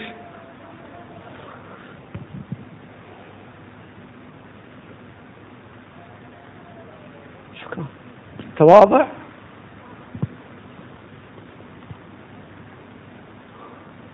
الرحمة. ولو كنت فظا غليظ القلب انفضوا من حولك. وما أرسلناك إلا رحمة للعالمين. التسبيح والاستغفار يا أخوان دائما سبح واستغفر. نخطئ كثيرا. وهذا يا إخوان نأخذ من الآية الكريمة إذا جاء نصر الله والفتح. ورأيت الناس يدخلون في دين الله أفواجا. فسبح بحمد ربك واستغفره. إنه كان توابا. لا تأخذك العزة. لا تعتز. ما شاء الله أنا دعيت. سويت اللي علي. ما قصرت. وخمسة ستة أسلموا أمس وعشرين قبل شهرين. قد تغتر بعملك. فاستغفره. فسبح بحمد ربك واستغفره. ما أجمل هذا الدين. إذا التسبيح والاستغفار في كل حال. طيب ما هو سر القبول؟ سر النجاح هو القبول. القبول يا أحباب نسأل الله يرزقنا القبول. قولوا آمين. إذا سر النجاح إذا أحب الله عبد تعرفون الحديث. قال جبريل يا جبريل إني أحب فلانا فأحبه.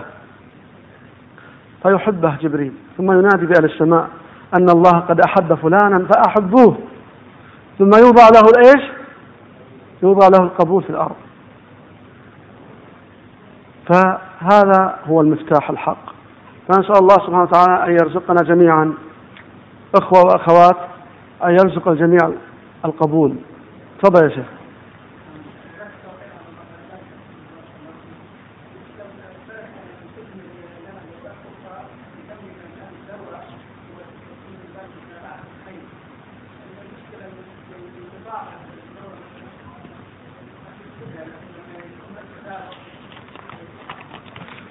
والله يا أخي الكريم يعني آه، الأخوة الأفاضل ها هنا كثر حقيقة لكن بتواضع منهم يحضرون معي. أنا أعرف يوجد في هذه القاعة من يتقن ما هو أفضل من هذا ولكن تواضعا منهم حقيقة يعني حضروا معنا.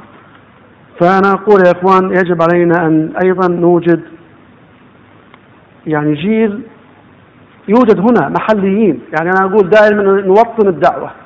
يجب أن نوطن الدعوة في أي مكان. في أي مكان حاول أن توجد ناس محليين لأن هؤلاء هم اللي حقيقة ستقوم الدعوة بإذن الله على أكتافهم أنا وأنت قد نعود. أنت تعود إلى بلدك وأنا أعود إلى بلدي والشيخ دكتور علي وغيره قد يعود إلى بلده. لكن أهل البلد هم أولى من يهتم بهذا الجانب. حقيقة علينا أن نهتم ونثقف ونوجد جيل كما ذكرت نعد ونخطط تخصصات لغوية من الآن.